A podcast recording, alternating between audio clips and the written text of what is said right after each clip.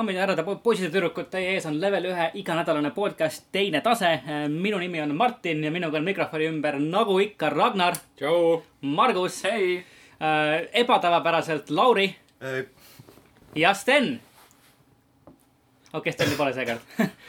Sten on kadunud, Sten on, Sten on läinud, sellepärast tal on, Sten on jaa, Sten on äh, komandeeringus, nagu, nagu me kuulsime, nagu me teame, sellepärast olen mina siin ka äh, meie, meie introt sisse karjumas. vot nii, mis Sten teeb, kus Sten läks, kas me teame, mis, mis Steniga toimub? ma, ta vist nägi Infinity War'i treilerit ja siis praegu ei suuda vahetab enam pükse. eksisteerida Mm. inimesena. ja ma isegi, ma ei ole tegelikult seda veel, ta vist teeb midagi väga asjalikku praegu. jah, kas me võime rääkida sellest või? Äh. Sten on äh, ühes kohas, selge. millest ta räägib meile järgmine nädal. okei, Jah, just. väga aga kuigi Sten ei ole täna siin meiega koos, siis ta on ikkagi jätnud meile paar äh, küsimust, millele vastata ja milleni me jõuame episoodi, kodune ülesanne või? just, selleni jõuame natukene, natukene hiljem. aga alustame nagu ikka äh, kommentaaridest ja alustame eelmisest episoodist sada kolmkümmend seitse, mille juurde siis äh, Tom Moot äh, jättis kommentaari, et nõus, et Secret Life of Pets oli rämps, aga naljakal kombel meenus, et juba seal filmis oli väike vihje Super Mariole. nimelt mingis äh, Rentsli kisma stseenis hüppas miskile kilpkonna karakterile peale ähm,. Ähm, hüpati seal miskile kilpkonna karakterile peale, vabandust, ja sõidutati ta kilp Mario heliefektile saatele rahvasse. kas väike foreshadowing uh,? Props not, aga fun fact, et see siis läheb kokku meie eelmise nädala uh, filmi ja, ja Secret Life of Petsi teemaga. ma pole isegi tegelikult seda filmi näinud üldse. väga ei ole tegelikult. siukene mehh film oli. et nagu isegi kui ma vaatan, siis nagu ma millestki ilma ei jää. okei, pole, See pole oli- kohustuslik. see tuli vist samal aastal, kui tuli see Zootopia, mis oli oluliselt nagu parem ja huvitavam. aa, Zootopia oli tegelikult päris äge seal. oli mingi allegooria vähemalt peidus, aga. Secret of Pets oli lihtsalt tehti nalja ja oligi kõik, kogu film, rohkem mitte midagi. jep, ma okei okay,, selge. Kriimsilm uh, väidab, et, Kriimsilm küsib äh, Stenilt, et kas sul ka konto kaheastmelist autentimist polnudki peal. temaks on siis Steni Xbox'i konto häkkimine hiinlaste poolt. et see tuli juba tegelikult varasemalt ka teemaks, et Sten, Sten on jätnud juurde kommentaari, et kahe, kaheastmelist autentimist tal tal ei ole. Aga selle eest hiinlased panid selle peale, kui nad kontosse sisse aitäh, läksid. hiinlased, kui et te mu, varastatud kasutaja turvalisemaks tegite. just, ma arvan, et Stenil on siit nii midagi õppida, et, et kui konto pole piisavalt äh, hästi kindlustatud, siis häkkerid häkivad sisse ja kindlustavad selle paremini ära lihtsalt. jah, aga mitte nagu äh, sinu jaoks, vaid sinu eest. see on õppida siit kolme asja, kõigepealt, kuidas enda kaart ära eemaldada enda kontolt mm, -hmm. siis Mhm. kuidas kaheastmeline autentimine peale panna mm. -hmm. ja kuidas suhelda support'iga, Xbox support'iga. sul, Margus, läks selle suhtlemisega vist palju natukene paremini jah kui, ma Stenil. kirjutasin ühe korra neile mingi väljamõeldud probleemiga, sest mul ei ole Xbox'i ja nad Mhm. vastasid mulle mingi viie minuti jooksul. ja ja Sten oli Stenil, enne seda üritanud kolm päeva nendega nagu Kas- aktiivselt suhelda. aga kas see kolmas probleem, nagu kolmas punkt pole mitte noh, Xbox'i poolne asi, mitte Sten või kas Sten ei, Sten on õppinud, kuidas nagu paremini Mm. nähtavaks Mhm. teha neile. Et siis järgmine kord sa, suvaline probleem. kui sa tahad saada Xbox'i klienditoega ühendust, siis sa pead alustama mingisugusest hästi siukesest triviaalsest väiksest probleemist. Siis nagu heas screenshot'e mainima, aa ja mind häkiti ära muideks, tegeleme the way, sellega ka. jah. just aga. ma ei saa screenshot'e sellest, aga kuule, tead, mis veel, mul varastati põhimõtteliselt terve kasutaja ära ja No. kakssada euri pandi ka hästi pihta. palju Maddeni asju osteti, et noh, see on noh, see on kõrvaline asi. nagu Sten on täpselt see vend, kes vajab neid Maddeni asju lihtsalt. samas on näha, huvitav näha, kuidas, kus siis Microsofti prioriteedid paiknevad mm. -hmm. Jah. Screenshot on tähtsam kui siis konto. Nad kirjutavad sulle Nad vastu. andsid Stenile vastu siis kolm korda kolm kuud Xbox Live Aa, aga, aga huvitav, mille peal ta neid kasutab. jah, just, jah, tal konto ei ole tagasi. just, Sten peab kirjutama komment-, kommentaari meile episoodi alla ja küsima ja vastama, kas ta lõpuks sai oma konto tagasi või, või ei saanud. siis saab selle probleemiga lahendatud ähm,. Oxnard Montalvo äh, räägib siis äh, meie mängu lootbox'ide ja, ja hindade teemal ning ütleb, et äh, ma ise olen ka nõus maksma viis kuni kümme eurot juurde, et saaks need hasartkastid ära kaotada. ma mainisin äh, sellepärast seda tuhat krooni äh, AK kuuskümmend neli euro asja. mul on jäänud mulje, et Ragnarile on see meeltmööda äh,. toonitades, et vanasti maksid mängud äh, tuhat krooni. Ragnar, oskad mis mulle kommenteerida? meeltmööda, et kallid mängud või? et sa, et sina vist olid paar episoodi tagasi see, kes, kes toonitas seda, et, et seda tuhande euro ja kuuekümne euro seast mängude vahel. et me eelmine kord rääkisime sellest jaa, jaa, jaa, jaa, oli jah. just, et me eelmine kord rääkisime sellest, et, et kuigi mängude kvaliteet on ajas kasvanud, siis mängude hinnad on jäänud enam-vähem samaks ja ma ei tea, mina oleksin nõus valmis, valmis juurde maksma näiteks igale mängule viis kuni kümme eurot, selle asemel, et sellist äh, lootbox'ide sarnast kraami mängudes näha. jah, ma oleks valmis maksma üldse nagu tervikliku mängu eest päris suure summa, et ma ei peaks ühtegi lisaasju kunagi elus ees ostma. jah, jah, jah, sama. aga seda vist palju, palju osta gold edition lihtsalt. jah, täpselt just. sa saad valida seitsme erineva versiooni vahel. sest Assassin's Creed Originsil oli vist mingi, oligi, oligi seitse versiooni. aga neid oli palju jah. inimesed teevad nagu selliseid Exceli tabeleid, et nagu kõik need versioonid nagu lahti nagu kirjutavad, Mõtestada mis on siin, mis on seal. jah, et kui sa pead nagu tõesti nagu mingi mängust arusaamiseks tegema mingisuguse PowerPoint presentation endale, siis võib-olla natuke liiga kaugele minna, et Assassin's Creed Originsil on kuus special edition'i. kuus, okei Need on special edition. ja, ja siis see tavaline ja siis seitse eriversiooni sellest mängust, mis sa saad osta. Neid on päris palju jah. mäletan, et Evolve, sellel oli mingi ilgelt palju neid. jaa, tal oli ja hästi siis, palju. ja siis mäng läks siis mäng läks free to play'ks, nii et ja, ja siis pandi üldse kinni. ja siis Jah. pandi kinni. ei, ta on vist praegu pandi support'i kinni. enam ei ole. noh, aa, support lõpetati ära, ma mõtlesin, Jaa. et pandi kinni. Ei, ta- ta on teda mängitav. saab ikka mängida veel, ma aga ma peaks tegelikult kontrollima, palju sa mängid sees. no Battleborni pandi ka support kinni. no vot. aasta aega pärast. Läks ka free to play'ks. Law, Lawbreakers, kas varsti free to kas play? Lawbreak, Nexon lihtsalt paneb serverid seal on endiselt Steam Charge'i järgi mingi sada kakskümmend viis mängijat äh, tunnis sees, nii et millal? Lawbreakers. sada kakskümmend viis mängijat. kes on vist liiga palju või? ma mõtlen, et see on kuidagi väga palju ma. vaatasin mingi. kas see mäng müüakse praegu mingi? üheksakümne üheksa sendiga või? Äh, ta on viiskümmend prossa maas minu meelest, vähemalt BSN-is oli võib-olla Steam'i seilidega ka praegu all. mm. -hmm. äkki saavad enda mänge juurde sellega. võib-olla, võib-olla. peab saama raha. ja siis veel äh, üle-eelmise episoodi alla on jäetud kommentaar Risto Kivisilla poolt, kes ütleb lihtsalt David Bateson äh,, mis on siis äh, vastus küsimusele, kes peaks siis uues äh, Hulu Hitmani sarjas äh, hakkama Agent neljakümne seitset kehastama. David Bateson on siis äh, Hitmani äh, või Agent nelja, neljakümne seitsme kehastajaga Hitmani mängudes. näeb küll täitsa Ta korralik ja te- välja. tema, tema nägu kasutati, kasutati üldsegi, et nagu Hitmani tegelast nagu modelleerida Mm. alguses, nii et noh, nüüd oli voice actor ka ju. just, Jaa, et oleks kõik olemas, aga noh, see kõik sõltub, kui palju on ta tehniliselt nagu näidelnud väljaspool mm -hmm. nagu oma hääle laenamise. just, just. Ta on päris vana ka, ta on viiskümmend seitse, nii et ja see on natuke võib-olla liiga seal. vehkima hakkab oma relvadega. CG-ga nagu ja, ja just, just. kortsud, kortsudes lahti. sest et äh, noh, hetkel on meil suurel ekraanil Hitmani kehastanud ju äh, Timothy Olyphant ja siis äh, Rupert Friend Homelandist. Ta oli Homelandis ju. jaa, aga ma ei ole edasi vaadanud selle PlayStation. ma seda teist äh, Hitmani filmi ei näinudki. see oli, pole vaja. ei, pole vaja, Ei, jäta see- rahulikult. see, see..., treilerist juba tundus, et okei okay,, et kas nad mängisid mänge ka ja lihtsalt vaatasid, et oh, seal on üks lahe, seal nagu cover'i peal on üks lahe kiilas mees kahe püssiga. ja ma kuulsin, et seal on peapaha on mingisugune kuulikindla nahaga mees.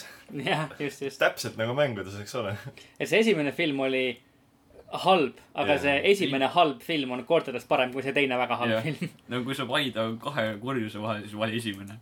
lemmikmoment esimesest äh, filmist oli see, kui Timothy Olyphant lendas läbi äh, akna ühte tuppa ja siis vaatas kõrvale ja siis lapsed mängisid Mäng- Hitman Bloodmonit. ja, ja just, just. see oli päris hea. meta. meta ja üldsegi, et miks, miks mingid väiksed lapsed mängivad Täpselt. kuule, ma mängisin ka väikse lapsena Bloodmonit, okei no aga me oleme erilised. vaata, vaata, mis sa saanud on, Margus, vaata, kus sa oled nüüd. Teed podcast'i siin meiega täpselt. peale juukseid peas ja kägistad inimesi ju. Uh, jah, low ma blow olen. see kõige noorem. Uh, vot nii, aga sellised olid seekord uh, kommentaarid ja lähme edasi mängitud mängude juurde uh,. Lauri, sa kui kõige uuem külaline meie podcast'is äkki, äkki räägid, mis sa oled mänginud? uh,. jah, väga-väga palju ei ole, aga on miskipärast selline korduv teema on, et kõik on teised osad, et uh, uh, Evil Within kahte ikka mängisin edasi, et ma selle jaoks juba kirjutasin arvustuse, kus ülistasin seda väga palju, et see on levelis ülal. pajast. aga, aga, aga jah, et um, okei, jah, Evil Within kaks, hakkasin teist playthrough'd mängima ja kuna tegin raske, raskusastme läbi, siis anti ka äh, uueks relvaks sulle nukid, mis on nagu liiga head, sest sa põhiliselt lihtsalt ühe punch'iga tapad kõik ära. nagu Black Ops kahe zombides oli ka kõige tugevam relvad oli nende Electrical Knuckles, round kolmkümmend sa panid kõigile one hit'i lihtsalt. no sul on lihtsalt tavaliselt nagu brass knuckles, et lööd ja siis kohe vaenlased endalt pead õhku, et äh, eriti noh, seda kuulide säilitamist, seda enam ei ole, et mul on nii palju igasugust äh, ammot ja igasuguseid äh, eluasju veel järgi jäänud. aga miskipärast, noh, aega on väga vähe, et pole jõudnud seda veel läbi teha Mhm. äh,. siis äh, Margusega siin sai üht-teist koos mängida, et äh, Marguse soovitusel proovisin enda PSP peal Valkyria Chronicles kahte minu sundimisel. minu sundimisel, aga, aga see oli hea sundimine, sest üleüldine mulje, esmamulje oli väga positiivne. et ähm, tundus nagu hästi, hästi sarnane kuidagi persoonale mingil määral, et on selline äh,, on nagu selline igapäevaelu ja siis on selle kõrval selline äh, võitlemine ja kõik ka. ja mulle meeldis see võitlussüsteem seal natuke isegi võib-olla rohkem kui persona, sest äh, Blitz battle system. sest see on nagu ka, et kordamööda, aga selle asemel, et vaenlased lihtsalt nagu passiksid või et sa valid oma, see, mida sa teed ühest väiksest menüüst, sa nagu tegelikult liigud ka ringi natuke ja noh, kui sa pead vaenlast laskma, siis sa lihtsalt ei ütle, et, et shoot, siis valid vaenlase, vaid sa ise nagu sihid ja kõik. Ja vaenlased ise ka ei seisa nagu lihtsalt paigal ja võtavad kuule, kuni nende kord on, vaid nad siis ikka kui näod, siis nad tulistavad sind kõigepealt. just, et natuke kuidagi äh, aktiivsem, saab nagu rohkem kaasa mängida, et sest äh, üldiselt strateegiamängudes ja asjades ma pole just kõige pädevam. et äh, enamasti on seal päris, läheb mul päris halvasti seal. ja isegi persona mängudes nagu ma olen märganud, et selline kordamööda võitlussüsteem kuidagi läheb natuke vastu karva, et isegi persona viies hakkas lõpupoole natuke äh, jah, enam, enam ei meeldinud nii väga. näeb, näeb ilus ja uhke välja, aga ikka nagu lõpuks hakkasin täpselt sama asja tegema iga kord, et mm. -hmm. iga, alustama sama rünnakuga ja mm -hmm. seesama, sama meetodiga liigun edasi, onju. ja siis lõpuks sai äh, siin koos Margusega ka proovida Yakuza Kiwami kahe demot, mis, mille jaoks pidi see oli, mis oli nagu sitaks lahe tegelikult Mm, mm. ausalt ka okei. see oli nagu täiega pidi lahe. pidi tegema ühe Jaapani äh, PSN konto. eksklusiiv selle pärast. jah, Jaa. sest äh, see jah, hetkel on ainult, noh, hetkel isegi pole Yakuza Kiwami kaks, vaid äh, Ryuga Gotoku Kiwami kaks, et sellel pole veel seda lokaliseerimist, selle kohta pole veel midagi öeldud, Mhm. aga võib-olla varsti. Siis sai igatahes proovida, ta oli jaapani keeles, aga noh, saime, saime hakkama. saime hakkama ja seal oli jah, väga palju positiivseid, positiivseid asju, et see oli esimest korda, kui sai mängida, või noh, saime proovida seda uut äh, mängumootorit. jah, mängumootorit, et see Dragon Engine, mis siis nüüd esmakordselt saab proovida kohe, kui Yakuza kuus tuleb märtsis välja. Mhm. ja muljed olid väga head, et kuigi ta on nagu aeglasem kui äh, Yakuza Zero on äh,, see näeb ikka jube hea välja. enam pole laadimisekraane, kui sa poodi sisse lähed. Siis- ega üldse, kui kuskil lähed, kõnnid lihtsalt uksest läbi, ongi kõik. kõigil on äh, nägudes tõesti nagu nii vanas silmnähtavad seerias on see küll nagu tõsiselt suur Väga hüpe selles mõttes, et nagu mis see näeb pole? Nä- nägudel näeb inimeste poore ja nagu ja kõik- nagu näodetailid on nagu nahk, Nahk nagu näeb- täiega hea välja. sa näed nagu kõiki poore ja arme ja karvu ja kõik nagu väga kõiki karvu. Nagu kõiki näo see on nagu kahekümne esimese sajandi uus tehniline ma- masterclass. Jah. poorid, karvad, akne, kõik on näha, iga, igat detaili just. nii hea kui halb. ja noh, siis on äh, muidugi uus võitlussüsteem seal ka, et nad on natuke seda ümber teinud ja nüüd ta ongi rohkem nagu selline Yakuza mängude ja äh, siis ka Arkham mängude segu enam-vähem. mm. -hmm. et see, kuidas sa liigud, sinu animatsioonid on nii kuidagi sujuvad äh, ja üldiselt vaenlastel on ka nüüd pandud natuke äh, sellist physics engine'it taga, et kui sa neid lööd, siis muidugi nad ei tee ühte animatsiooni, vaid nad panevad kohe lendu aeg-ajalt. ja ja Lauri viskas ühte tüüpi jalgrattaga ja see vend lendas nagu, nagu Pika tänava lõppu lihtsalt, suhtes, suhtes nagu lendas nagu Pika tänava lõppu, see oli nagu Jah. räigelt pikk tänav, okei. lendas Mis ei olnud videomängus nagu pikk Pika tänav. tänava lõppu. mis ei olnud nagu see pikk tänav, mida me teame, Mhm. vaid see oli, veel pikem tänav see või? oli veel pikem ma mõtlesin, et meie pikk tänav on nagu kõige pikem ei, see oli tänav. nagu pikem sellepärast, Margus, ta on pikk tänav. jah, aga see oli pikem tänav. mees, Wrinkling my brain see oli ülipikk tänav, saad aru? see oli nagu ülivõrdlus. selge ja, siis aastamäng kümme kümnest. jah, sellepärast vend lendas mingi kaks sekundit, sõna otseses mõttes kaks sekundit reaalajas vend lihtsalt lendas. selge, selge. ja siis võitluste keskel sai muidugi teha Steni kõige lemmikumat asja, et sai inimesele anda kannaga näkku. Mhm. see on kindlasti suur pluss. aga siis on ka veel paar see on see, huvitavat, millega me Steni kõige enam seostame lihtsalt. ta annab inimestele kannaga kannaga näkku. näkku Just.. aastakand. Et eh, siis noh, seal on ka nüüd see huvitav, et kui sa satud võitlusesse, siis sind ei panna enda mingisugusesse väiksesse võitlusdimensiooni kinni, et noh, äh, Martin, sa oled mänginud nagu Yakuza Zerot, et siis kui mm. sinu hakkab keegi ülbama ja siis sa oled kaklujas, siis kõik nagu rahvas koguneb su ümber. sa ära joosta enam ei saa, et sa peadki nüüd lõuga andma, aga nüüd sa tohid kasvõi ära joosta, kui tahad, sest jaa, keegi läks passi ees. poodi, Mhm. võttis mingi tüübi kinni, viskas ta lihtsalt vastu letti ja mingi kõik asjad lendasid igale poole, täiega lahe, iga, iga väike osa mingi, mingi šokolaadibatoonid ja ajakirjad, kõik lihtsalt nagu nii palju osakesi, lihtsalt kõik Yakuza Zeros oli jah see, seal oli mingi üks vaenlane, kes äh, oli hästi tugev, vähemalt alguses ja kes mm. alati sul mingi raha ära võttis, kui, kui jaa, läksid jaa, temaga, Mr Shakedown. just täpselt ja läksid temaga ülbama. Ja sa, sa ei saanud kunagi tema eest ära joosta lihtsalt, see oli alguses oli nii raske tema vastu võidelda. kui sa, kui sa näed teda kaugelt sisse, siis pead kohe ennetlikult ära jooksma. ja mina. panema jah, kurat, ei taha kõik oma raha ära kaotada. täpselt. aga siis jah, sa saad ära joosta, ma üritasingi ära joosta. ma jooksingi ühe poe poole ja mõtlesin, et äkki noh, suur, suht pikk distants on meie vahel. aga siis vaatasin ka selja taha, kuidas need tüübid jooksevad vastu rattaid ja löövad neid jalaga. Siis rattad ka lendasid kõigid taevasse. füüsika natuke liiga ülepaistetud ja, ja siis, kui ma jooksin poodi sisse, siis ka üks ratas lendas nagu vastu ust. et, et nagu jahtisid mind ikka päris, päris tõhusalt. aga see demo oli ikka üüratult suur, sest me mõtlesime ka, et Margusega, et siin on ainult see pikk tänav nii-öelda, pikem tänav, sorry. ülipikk tänav. ülipikk tänav, et saad ainult seda mööda kõndida. aga siis pärast ühte võitlust avanes terve see linn lahti, et Yakuza kahes on siis nagu kaks linna, mida uurida. Ja siin demos saad ühe linna juba tervenisti läbi käia. saad proovida kõiki neid tegevusi, mis seal on, et äh, käia nagu nendes mängukeskustes mängu mängimas, saad karooket laulda, kuigi seal oli üks laul äh,. piljardit mäng-, ei, piljardit vist ei saanud veel. piljardit me küll ei Jah. proovinud. sai, sai baarides käia ja restoranides ja jube, jube palju oli seal ikka ühe demo sees, ütleme nii, et Mhm. uskumatult palju.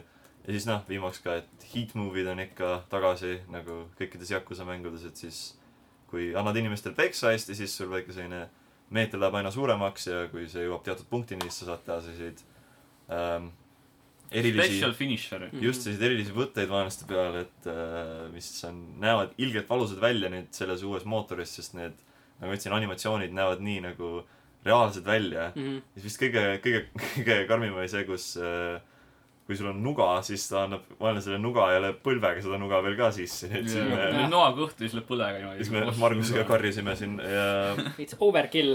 räige overkill. ja siis oli üks sama liigutus nagu, mis oli ka Yakuza Zeros, kus sa lööd vaenlase näo vastu seina ja siis lööd jalaga talle ka veel otsa. aga see nägi nii palju valusam välja just selles uues mootoris. Mhm. ja siis on ka nüüd mingi uus äh,, mingisugune eriti powerful heat mode, kui sul on noh, meeter täitsa täis, siis aktiveerid ja siis põhiliselt iga löök, mis sa teed, on nagu heat move, kus siis suumitakse vaenlase näo peale sisse. näiteks, kus sa rusikaga teda lööd ja siis näedki, kuidas aegluubis tal äh, nägu, näol on väikse jiggle physics juurde pandud. ja ta nagu, nagu üks vend on pikali maas, siis ta lõi teda jalaga näkku ja siis, siis sa said loperdas. nagu noh, vajutada kiiremini seda kolmnurka, eks ju, et nagu rohkem nagu damage'it teha ja siis sa nägid, kuidas see nagu kogu see nägu hõõrdus vastu asfalti mm -hmm. ja see Mhm. nagu tundus nii valus lihtsalt, et nagu kõlab meeldivalt, kõlab kõlab kaunilt. väga lahedalt tõesti. just. ei, aga, et jah, Kiwami kaks arvatavasti jõuab, ma arvan, meie kanti mingi võib-olla aasta pärast, kui sedagi. aga kuna ta mängitavus on väga sarnane, siis Yakuza kuuele, siis see on selle vastu kindlasti huvi väga palju tõstnud, aga kui kellelgi on nagu huvi ja tahtmist, siis kindlasti vaadake seda demot, et selle jaoks peab tegema endale Jaapani konto BSN-is, aga seda pole väga raske teha. ja noh, kuigi mäng on jaapani keeles, sa ei pea väga paljust aru saama, et seal on muidugi need objective markerid, mis näitavad, kuhu minna ja noh, anna sellele tüübile peksa on nagu selline universaalne keel meil siin videomängudes. selle jaoks ei ole So- mitte. ainult videomäng. jah, niisama ka. just. no selge, selle, selle hea mõtte pealt on, on äh, paslik edasi minna Ragnari juurde. Ragnar, mis sina oled vahepeal mänginud? ma näen siin paari vana tuttavat nime uuesti tagasi tulemas et äh, Overwatch ja Hearthstone tegid siis comeback'i. mm.. Vau, taas kord ajada Ragnari Overwatchi nurgaks. jah, et Steni pole, et ei saa seda muusikat lasta Just, mobiilist. kuigi me võiksime ise, ise seda teha, aga me ei tee. ei, ma lihtsalt öeldud, tehtud. Overwatchi on sellepärast, et seal see Moira on see uus tegelane. aa, see David Bowie. jah, Mhm. täpselt, et mida kõik siis vihkavad, et ma ei tea, Margus on Facebookis kuskil väljendanud oma vihkamist ja kuule, halb ta välja näeb ja nii edasi. Ta näeb jumala õudne välja too. no aga aga tegelasena on ta hea. Selles mõttes tema võimed on päris tõusvad. ei, selles mõttes jaa, ma, ma, ma nagu hindan tegelasi ikkagi selle järgi, kui head nad nagu mängus on, vaata mm. -hmm. aga tegelase disain näeb ka jumala rõve välja. nojah, ma ei tea, nad üritasid seal mingit sellist äh, kui nad üritasid teda transseksuaaliks teha, siis nad üritasid, oleks võinud üritada teda vähemalt nagu kenaks teha. saad aru? kellele kenaks. täpselt. Mulle. Markus, palun. et siis. Mine Blizzardisse hetero äh, mees äh, mängijale ilusaks teha. Cis, cis white male. saad aru? ma tean paljusid transseksuaale, kes on jumala kenad. aga siis äh,, okei. aga siis nüüd järelikult teada ühte, kes pole nii kena. nii et laieneb. tegelasena, tegelasena on ta tuus, et ta on põhimõtteliselt nagu meidik. ta on nagu Mercy ja Zenyatta kombo selline. jah, ja äh, kui enne oli nagu see, et Merciga ei tahtnud väga vaata kombatisse minna mm, -hmm. Mhm. sest ta on see mingi tikk-tikk, millega ta tulistab. jaa, Mercyl on jaa mingi, ta on täiesti teistsugune asi. ja, ja Zenyattaga oli nagu väga hea kombatisse minna, siis ma teda kasutasingi enam kombatina, siis ma unustasin ära, aa peaks inimesi ka hiilima. siis see on nagu, teeb kõike mõlemad väga hästi koos. Mhm. et sa jooksed kellegi sabas, ravid neid, siis sul on see ultimate power, mis põhimõtteliselt ravib samal ajal sinu tegelasi, aga samal ajal siis hävitab äh, need elusid, kes on vastased mm. Mhm. -hmm. päris lahe. Aga ma ei ole kordagi üheski tavalises matšis seda Moirat proovinud, ainult nendes, mis iganes see weekly teema seal on, et Aa, praegu on see, mis iganes, overpowered oli vahepeal. Arcade jah. jaa, arcade'is olen proovinud, ehk siis kõik see, kus cooldown'id on mingi üks või kaks sekundit. jaa, ma proovisin ka, tõmbasin hiljuti alla ja siis mängisin Moirat ja nagu tundus, nagu tegelased tundub küll väga hea nagu. jaa, ei mulle meeldib tema see paganama, siis mingi power hääl, mis ta teeb. ma ei saa aru, mida ta ütleb, mis see lause on. mingi, see kõlab nagu mingi kurguhäälena, siukene, ma ei tea, milline see kõlab, see alati üle kogu mäppi kõlab ära mingi, aa, Moira jälle teeb midagi kuskil. päris tuus. noh, Margus, mõtlegi, et, et kui sa teda mängid, siis sa pead teda vaatama. õnneks ma ei näegi teda, kui vastasmeeskonnas on Moira, siis sa ju pead vaatama. no Siis siis lase ta maha, ütled, mis sa oled nii kole ja. siis vastasmeeskonna Moira küsib chatis, et miks sa mind kill'id kogu aeg, sa oled kole. on vastus. ei, You, mitte sina ei ole you kole. ugly. Your. character ugly. ei, lihtsalt you ugly ütled ja jätadki nii. ma saan bänni selle eest siis nagu. no seal saavad inimesed vähimagi, vähima eest. Ongi, kui sa kasutad- kui sa. kasutad competitive'is tegelast ja nagu tiimikaaslased ütlevad, kuule, et ära kasuta seda tegelast ja kui sa ikka kasutad seda tegelast, siis sa võid sellest bänni saada. sest sa ei tööta oma tiimikaaslastega koos ning see on potentsiaalne kriipimine. Blizzard, palun. see ei, ei tundu küll loogiline. ja inimesed on sellest bänni saanud küll. vot, Hearthstone'i mängisin ka, aga põhimõtteliselt sellepärast, et nagu, et mobiili peal proovisin elus esimest korda, mis tunne on mängida Hearthstone'i. siis ma lõpuks sain mobiili, mis nagu välja peab selle Hmm. mis on naljakas, on see, et ühe korra mängisin kogu õhtu umbes niimoodi. heitsin korra voodisse, mõtlesin, et teen ühe matši, siis mõtlesin, fuck, neli tundi möödus. ma proovisin hiljem uuesti sama mobiili peal, enam ei lähe tööle, nagu load screen'ist ei lähe edasi.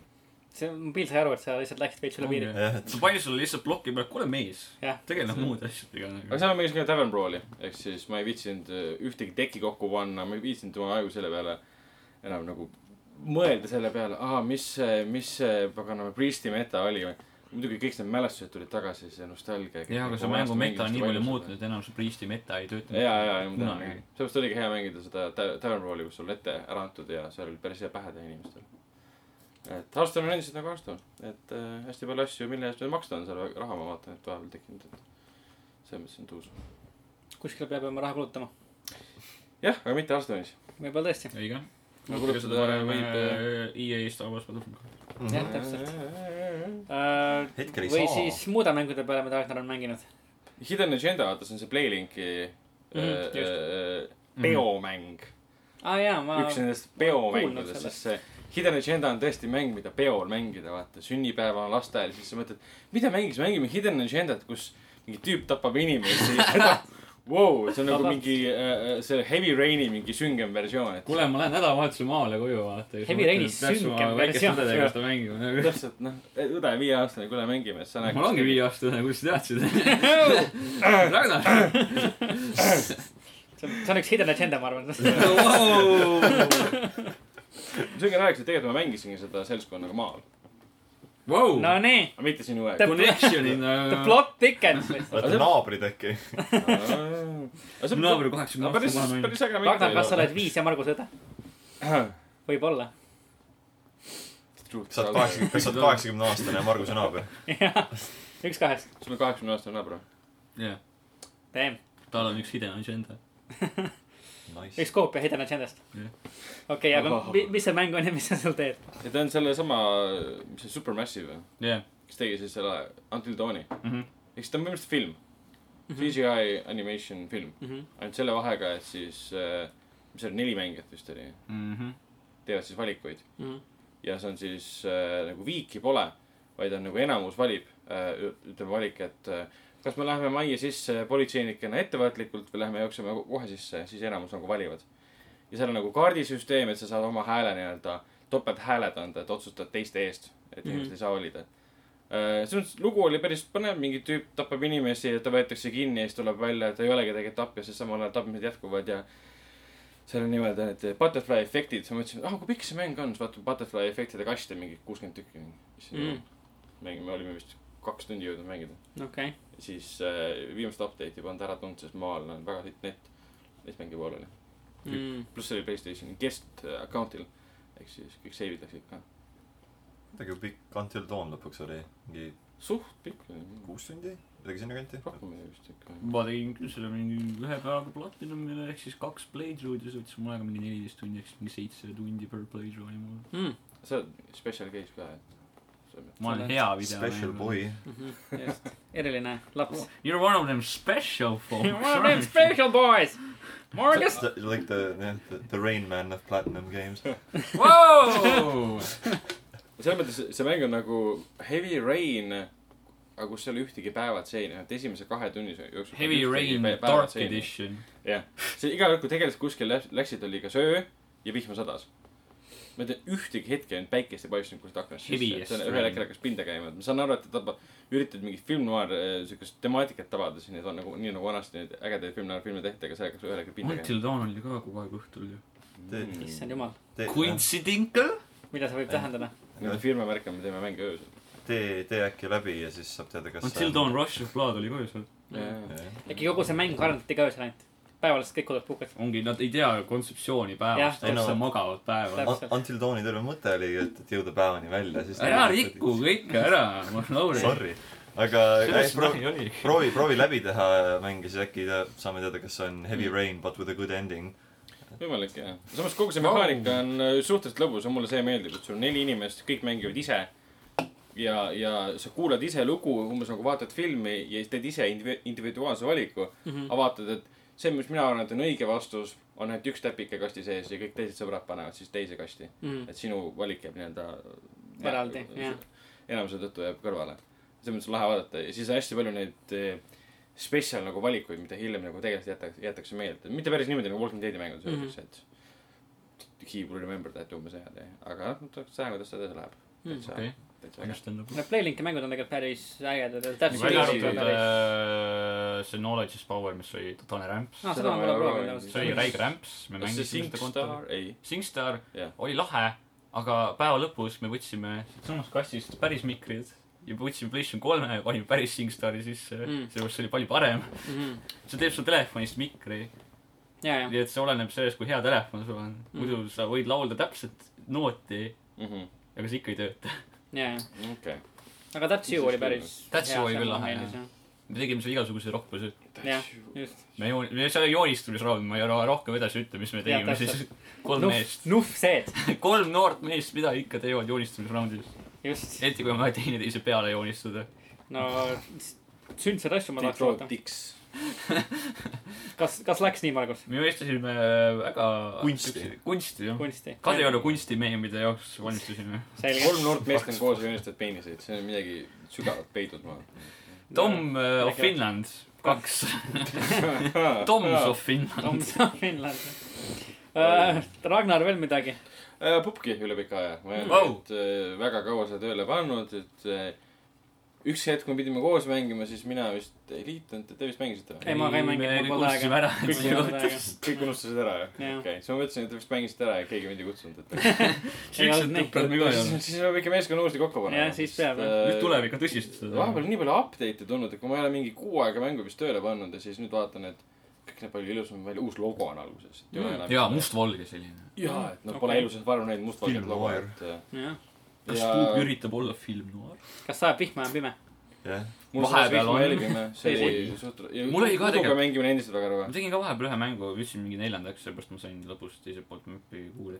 aga mul oli ka vihma sadas Mhm. esimese matšina.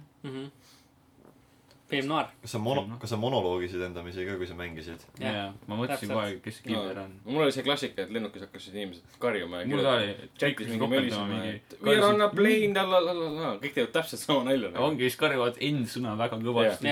Väga teised inimesed omavahel kõvasti. karjuvad shut the fuck up, noob, noob. siis ma mingi okei okay,, internet, nii tore koht. võrratult kaunis koht. ma võtan ka alati kõrvaklapid peast ära, kui ma sinna lähen nagu ja. just niimoodi, okei. aga see vihma, vihmamäppel mängides on see haige, et äh, kui klappidega ei mängi, ainult kõleritega, siis on väga raske on ära tabada, kui keegi kuskil kõnnib. see kõik kõlab nagu vihmasahinana kuskil mm. -hmm. ja mul oligi üks hetk, noh, ma jäin mingi jumal teab kahekümnendaks või midagi. mõtlesin, ah siin majas ei saa kedagi olla, auto on küll ees, uksed on kinni. Lähed rahulikult sisse, ei pumba jumala näkku. tüüp lihtsalt seisis, ootas niimoodi. noh, ta ootas mingi. Pull up ta nagu. ootas mingi, ma ei tea, neli minutit vähemalt. Ma olen jumala ettevaatlik, ootasin tükk aega. ma ütlesin, ei ole, ei saa olla. Nii kuradi kannatlik. kõrged kortermajad, vaata mis seal on need trepid, mis lähevad ülesse. Jah. ja siis sa saad selle trepi alla minna, vaata see on see väike koht. ma kuulsin, et üks vend kõnnib üle, vaata. Läksin selle trepi alla, vend kõnnib trepist alla ja siis pani pummaga selja ma taga. teen ka seda, ma teen ka seda. Siis ma ei hakka üles minema, siis ma tean, et ma muutun väga itsiks ja siis tapan ennast ise ära kohe. ei, ma ütlen, ma ei lähe kunagi üles, ma lihtsalt niimoodi hiilin vaikselt trepi alla ja siis ma tean, et üks vend kõnnib vähemalt alati sealt alla. sa ei saa, muidu sa pead alla hüppama, siis sa saad liiga palju aega, sa mõtled. ma olen Pukiga natuke ootan hetkel, et äh, kaksteist, jah, kaksteist detsember peaks see tulema siis ma hakkan konsooli Xbox One'ile ja siis ma hakkan teda konsooli peal. mängima, jah. täpselt nagu Margus ütles. saame ikka, sest et mul on väga arvutid olemas. Ja äkki me saame teha crossplay'd, see on, jaa. õige, see, see pidi olema ju ting nii-öelda. nii et vähemalt keegi meist saab korraliku FPS-iga mängida. Microsofti masinatel. jah, true that. just, just, aitäh, optimiseeritud mäng. just täpselt, aastamäng. aastamäng jah. Ähm, no tõenäoliselt ongi aastamäng. no ma arvan, et nii mõnigi valib ta Jaa, aasta. Pukist. rääkides, meil oli siin kirjas küll, aga hiinlased panevad Puki mobiilile. panevad Puki, Puki mobiilile jah. kuidagimoodi, mingil moel. Väidetavalt äh, saab see olema sellepärast sama, hiinlased häkkisid, kes enne kasutaja Jaa. ära. et äkki nad nagu beeta testivad. sest et talle meeldib. pupk jah, ja siis nagu, Neil on beeta-testid vaja, et Jah. kasutavad varastatud, okei. jah, see on nagu, kõik on loogiline. absoluutselt, kõik on nii kõik on loogiline. connected lihtsalt just. aga väidetavalt jah, siis see mobiilipukk tuleb sama optimiseeritud ja jookseb sama hästi kui äh, pukk arvuti peal ja juba arvuti peal ta jookseb väga halvasti väga. halvasti. nii et, nii et jah, elame-näeme. Margus, ma vaatan, et äh, vähemalt ühte mängu oleme me mõlemad mänginud, mis sinu nimekirjas ka on. kuna Martin on pikki nädalaid seletanud, kui hea mäng on Assassin's Creed Origins ja vahepeal oli siukene tore päev nagu Black Friday, siis ma mõtlesin, et, et korjan üles selle mängu. ta oli koos, see deluxe edition koos season passiga oli nelikümmend kolm dollarit ehk siis odavam, kui ta muidu tavaliselt ilma season passita on. mõtlesin, ma ostan ta siis kohe ära, eks. ma nagunii no, mõtlesin, noh kunagi ostan ja siis noh, siuke hea moment oli. Eile alustasin mängimist kell kaheksa hommikul, lõpetasin kell kümme ehk siis neliteist tundi järjest panin Mhm. ja täna mängisin ka ikka päris pikalt, et ja väga meeldib mm. -hmm. nagu tõsiselt hea. Kombat on täiega lahe, ta näeb ilus välja, Playstation nelja peal, mis on nagu nii vana masin, aga ta näeb ikkagi nii hea välja. ja see on minu üks suur nagu imestuskoht ka, et see masin tuli välja kaks tuhat kolmteist ja see mäng nagu No, näeb välja ja vahepeal ta jookseb hakib. mul, vahepeal tuleb Ja siuksed kus- kindlad FPS tropid, aga Jaa. see ei ole nagu, see ei häiri mind üldse. kui sa liigud nagu pikalt ja kiiresti, siis ta Jah. mingil hetkel jääb nagu korraks seisma ja siis liigub Mhm. edasi põhimõtteliselt. vist laeb nagu jah. Jah, ta läheb sisse aga muidu on jah, kõik need püramiidid, see, see tomb raid imine, mis on, see on nii lahe, see on siis pusled ja, ja siis äh, äh, lugu on ka päris lahe, mulle nagu see põhilugu nagu suht savi, aga see kõrvallood, need side quest'id Mhm. mm, on täiega Need on lahedad. kõige paremad üldse. Side quest on küll täiega lahe. pealugu aitas nii külmaks just sai, et aa, Jah. laps suri ära, nii kurb. ja siis kõrvallood Jah. on, issand, te olete õppinud kuskilt mm,, The Witcheris või peate Mhm. Jah. ja kõrvallood on täiega, et ongi see, et see on nagu niisuguseid wild adventure'id, kus on nagu aa, et mine, ma ei tea, eskordi see tüdruk äh, teisele poole linna, eks ju, okei okay., siis ta ütleb, et aa, tal, lähme võtame hoopis mu hobuse, eks ju. siis sa pead äh, minema temaga mingi turule mm, -hmm. siis ta hobune varastatakse ära, eks ju, ja siis sa tood selle hobuse tagasi. jah, et ja siis see krokodilli oma ka, eks ju, et see, Jah, kus öeldakse, et aa, mu ees rööviti ära, siis lähed sinna. Tal jäeti mingi purjus peaga saarele, kus on krokodillid ümber. ja siis läheb viita tagasi sinna tema naise juurde, aga tuleb välja, et see naine ei olegi ta naine, vaid hoopiski nagu pettis seda, et tema raha saada mm Mhm. -hmm. põhimõtteliselt mm Mhm. -hmm. ja siis tapab ta vennad ära. et see mängus on jaa, nii palju lahedaid siukseid side-quest'e ja peale selle Bayek ise kui peategelane minu meelest väga hea. ja ta sobib sellesse nagu Jaa. konteksti ja mängu väga hästi mulle, mulle meeldibki see, kuidas ta nagu kirjutatud on, et see, et, et kõik tema oskused ja asjad tulevadki sellest, et ta on magi. mm. -hmm. ja kõik see, kuidas ta käitub nagu teiste inimestega, et ta aitab neid seepärast ta on magi, mitte mingi aga ma olen suvaline tüüp ja ma lihtsalt aitan inimesi seepärast nad nagu lihtsalt paluvad mind. ei mm, -hmm. see on nagu tema kohustus. ei noh, see on varasemalt ka hästi töötanud, kui on nagu piraat olnud Jaa. piraat lihtsalt jah, seda küll, et no pira-, jah, see piraatluse aspekt, minu arust nagu ennem Originsi oligi Assassin's Creed neli see, kus peategelane oma kontekstis mõjus kõige loogilisemalt yeah.. aga Originsis äh, noh, jah, see, see Bayek, ta on nagu osa sellest ühiskonnast. jaa, see ongi, ta teab kõiki inimesi, kes seal põhimõtteliselt nagu no ta teab paljusid ja, ja paljud teavad teda ja ta Jah. on väga, ta on sügavalt usklik, mis mm. -hmm. nagu seletab seda, miks ta teeb neid paljusid asju, mida ta teeb mm.. äh,.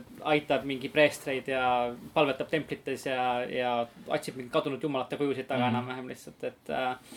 minu arust nagu selle mängu kõige suurem kangelane ongi see, see kaart, see vana Egiptus ise. See on, nagu sa ise ütlesid, Margus, see on, see on lihtsalt, see on röögatult suur kaart see. on tõsiselt suur, ma nagu lihtsalt uitan ringi seal kõrves. jah, et ma olen, ma pealoo läbimiseks läheb, ütleme nii kakskümmend, kolmkümmend tundi. ma tegin pealoo läbi ja ma olen kokku veetnud selles mängus hetkel umbes nagu seitsekümmend tundi mm. -hmm. ja ma pole ikka nagu käinud igal pool kaardi peal, mul on ikka veel nagu kaardil nagu halli alasid, kuhu ma pole see on jõudnud. kõige ägedam, sul on nagu kordusväärtus, sul on alati põhjus mängu tagasi minna, varasemates ei ole väga palju põhjust. Assassin's Creed kolme läbi näiteks, miks sa peaksid tagasi mängu minema? ma ei teinud isegi Psychost ja Assassin's Creed kolmest, mind lihtsalt ei aga siin on see, et sa võib-olla rush'id pealoo läbi, aga lähed tagasi mängu, lõpetad asju. ja sul on nii palju, igas linnas on sul täiega. Psychos, sul on need templid, kus sa saad minna, sul on vee all igast nänni. kus mängu saab katki teha, nagu teie tegite Jah, striimis. jaa, jah, tõesti nelikümmend viis minutit ma vaatasin, vaatasin, kuidas Pamu mingi, ujub. mingi tüüp ujub, te olete Mhm. lollakad peast. jaa, aga palju vabadust joo- seal mängus on, et sa saad ujub. niisuguseid asju ja teha. ma mõtlesin ise ka, ise olen ka lollakas, et ma vaatasin seda striimis, kuidas te lihtsalt jälgisite seenu, kuidas üks tüüp ujub nelikümmend viis minutit. aga see ongi hea, see näitab, kui palju vabadust antakse Tekkis- mängijatele tekkis selline- tekkis selline enda story sellest. jaa, ma ütlen, see nagu, kui mäng tekitab siukseid momente, siis siis minu meelest on õnnestunud mäng. Pamul lõi adrenaliin sisse, pani ujuma. külm vesi, krokodillid, mitte miski peatas ta aga selles suhtes, et minu arust Origins on ikkagi väga edukalt näitab seda, et äh, selle Ubisofti mentaliteeti, mis nad kuulutasid välja, et, et äh, vähem pannakse rõhku narratiivile ja rohkem pannakse rõhku maailma loomisele, kus Jaa. inimesed saavad lihtsalt avastada ja ringi ja käia. veel hea asi on selle mängu juures see, et tänapäeva sektsioonid Mhm. on väga hästi tehtud, sa ei pea neid üldse tegema. ja sa, võid kohe tagasi animusse minna. Vahepeal oli see, kus ma pidin ühte kohta minema, mingi alla hüppama ja siis sealt mingi asja tooma. See oli mingi kohustuslik osa. jaa, aga muidu on see, et ei ole mingeid pikki cutscene'e, mida ma ei saa skip ida, nagu näiteks Assassin's Creed kolme. Mhm, just jah. ja siis ma ei pea seal mingit parkuuri või asju tegema, mis mul võtab nii kaua aega. ei, ma saan lihtsalt minna tagasi animusse kohe Mhm. ja ongi kõik. väga ilusti tehtud ja mulle tõesti meeldib see mäng. ja kõik need Far Cry-likud improvisatsioonimomendid mm, Mhm. -hmm. mis on üle toodud siia mängu, on ka väga head. see, et sa saad keskkonda omavahel nagu, kas juhuslikult satud peale, vaatad, ah, te ründate üksteist mingil põhjusel mm. Mhm. -hmm. Või saad inimesi ja loomi omavahel ässitada ja nii edasi, täpselt nagu. Far Cry's. ja see keskkond on tõesti päris tore, et kui sa, kas, mis ma tegin, oli vaenlase laager ja ma viskasin äh, laiba, viskasin mingi umbes äkki sada meetrit kaugemal, viskasin jõkke ja siis vesi viis ta laagrisse mm Mhm. -hmm. ja siis tulid krokodillid vere haisu peale ja tapsid vaenlased ära oh, see küll, see on nii lahe, kui mäng siukseid asju teeb. see mängus on nagu oma ökosüsteem. või sa võtad näiteks laiba ja paned laiba hobuse peale ja mürgitad selle laiba ära ja siis paned hobuse jooksma vaenlase laagrisse ja siis mürgitab vaenlased ära ja nad surevad maha selle peale näiteks. see on, ongi, sul on nii palju erinevaid moodusi, kuidas seda mängu mängida, mis nagu see teeb tõe siukse toob talle korduvväärtusi juurde. üks asi, mis nagu, nagu nii pika mänguaja peale nagu mul on, jääb silma, on see, et ta muutub lõpus äh,, tema missiooni struktuur muutub ennast väga kordavaks. et äh, lõpuks ikkagi, kui sa mängid seda nagu, nagu pikalt ja palju mm. -hmm. siis see, see, see gameplay loop nii-öelda annab ennast väga hästi tunda ja see muutub natukene nagu nüriks pika aja peale. et see kaart on väga ilus ja, ja kindlasti avastamisväärt, aga, aga need tegevused seal sees on selle suure kaardi jaoks nagu röögatult suure kaardi jaoks natukene nagu pika mänguaja peale natuke liiga limiteeritud minu arust mm. Mhm. -hmm. et äh, noh, see on noh, jälle, jälle Ubisoftile koht, kus järjejuures mõelda, kuidas seda saab natukene varieeruvamaks teha Mhm. nii-öelda. ja see oli ka natuke igav, noh, tähendab, ta ei ole nii igav, kui ta on tüütu, see, et iga kord, kui ma tahan mission object'i leida, ma pean oma kulli kasutama. Mm. ma olen nagu iga mission object'i juures pean seda kasutama, mis on nagu, miks too? ja mingi alternatiivne valik võiks ka olla. jaa, et nagu lihtsalt näidake mulle Mhm. kaardi peal, kus ta on. ja, ja, ja, ma kasutan seda kulli näiteks skautimises, kus vaenlased on, eks ju, nagu Pinocchio Far Cry's, mitte niimoodi, et ma pean igat quest object'i tegema selle kulliga, et mm. -hmm. palun ei. lihtsalt tahavad väga, et sa kasutaksid seda, see on nagu Batmobile Arkham Knightis. Topiti sulle kurku enam-vähem. no see kull on minu arust mängumehaanikana parem kui Batmobile, aga jaa, tunduvalt parem. aga jah, see põhilugu on äh, unustatav peale lõppu. lõpp oli ainukene koht, kus on, mis pani mind nagu, see on päris huvitav. Mitte midagi revolutsioonilist, aga see oli, ütleme noh, nii-öelda seeria fännile oli, oli päris siukene nagu huvitav nüanss seal lõpus. aga jah, väga-väga äge mäng. Margus, veel midagi? Ehm, kui Lauri mängis Valkyria Chronicles kahte, siis mina mõtlesin, et mina äh, emuleerin Valkyria Chronicles kolme Mm. sest et noh, mul on tegelikult see mäng olemas, PSP versioon ja ma nagu ei tunne mingisugust nagu häbi selles mõttes, et issand, ma pidin seda mängu piraatima. aga inimene oled. jah, mul on Rõve. me tunneme sinu eest häbi. mul on, mul on neutraalne karma praegu selles mõttes, et nagu ma ostsin selle ja siis ma tõmban selle tasuta ja nagu. aga jaa, sest et äh, mul ei ole PSP-d nagu väga pikast ajast ja ma tahtsin inglisekeelse patch'iga mängida, kus siis, et Valkyria Chronicles kolm ilmus ainult Jaapanis. Mhm. ja see Valkyria Chronicles kolm on minu meelest nagu üks parimatest nagu minu list on niimoodi, et on esimene, kolmas, teine siis tuleb Revolution, eks ju, nüüd ootan neljandat, kuidas see sinna listi kuidagi ära mahutab. Aga kolm on jah hästi lahe, tema on siis see, kus sa oled penal unit ehk siis selline sõjaväeüksus, kuhu saadetakse kõik reeturid, vargad, mõrtsukad, sellised noh, pahalased Mhm, ütleme niimoodi, et aga sealt tuleb välja, et ikkagi nagu enamus inimesed nagu head ja see kogu see suhtlemine nende vahel ja kõik asjad niimoodi, et nagu sa tunned ikkagi, et nad on tegelikult head inimesed, vaata. ja, ja siis see pahalased on ka seal teistsugused, see leiab sama, aset sama ajal kui esimene mäng, teise Euroopa sõja ajal. ja see tähendab seda, et mitte ühtegi mängu ei pea mängima niimoodi, et järjest vaata, et üks, kaks, kolm tuleb järjest ära mängida, muidu sa ei saa mängust aru, et sa võid kõiki niimoodi otsast peale täiesti suvalt mängima hakata. ja ähm, ta on tunduvalt parem kui teine mäng, sest teine mäng tõi juurde hästi palju nagu asju, nad üritasid teha nagu oma Fire Emblemit äh, Valkyriaga. hästi palju äh, võitlusklasse. ja võitlusklasse on teises mängus minu meelest üheksa, kui ma ei eksi, aga kolmandas mängus on ainult kuus. osad klassid on nagu ühe, ühe, ühendatud üheks klassiks ja näiteks teises mängus oli antitank snaiper ja tavaline snaiper, nüüd on nad lihtsalt snaiprid, sest et noh, miks.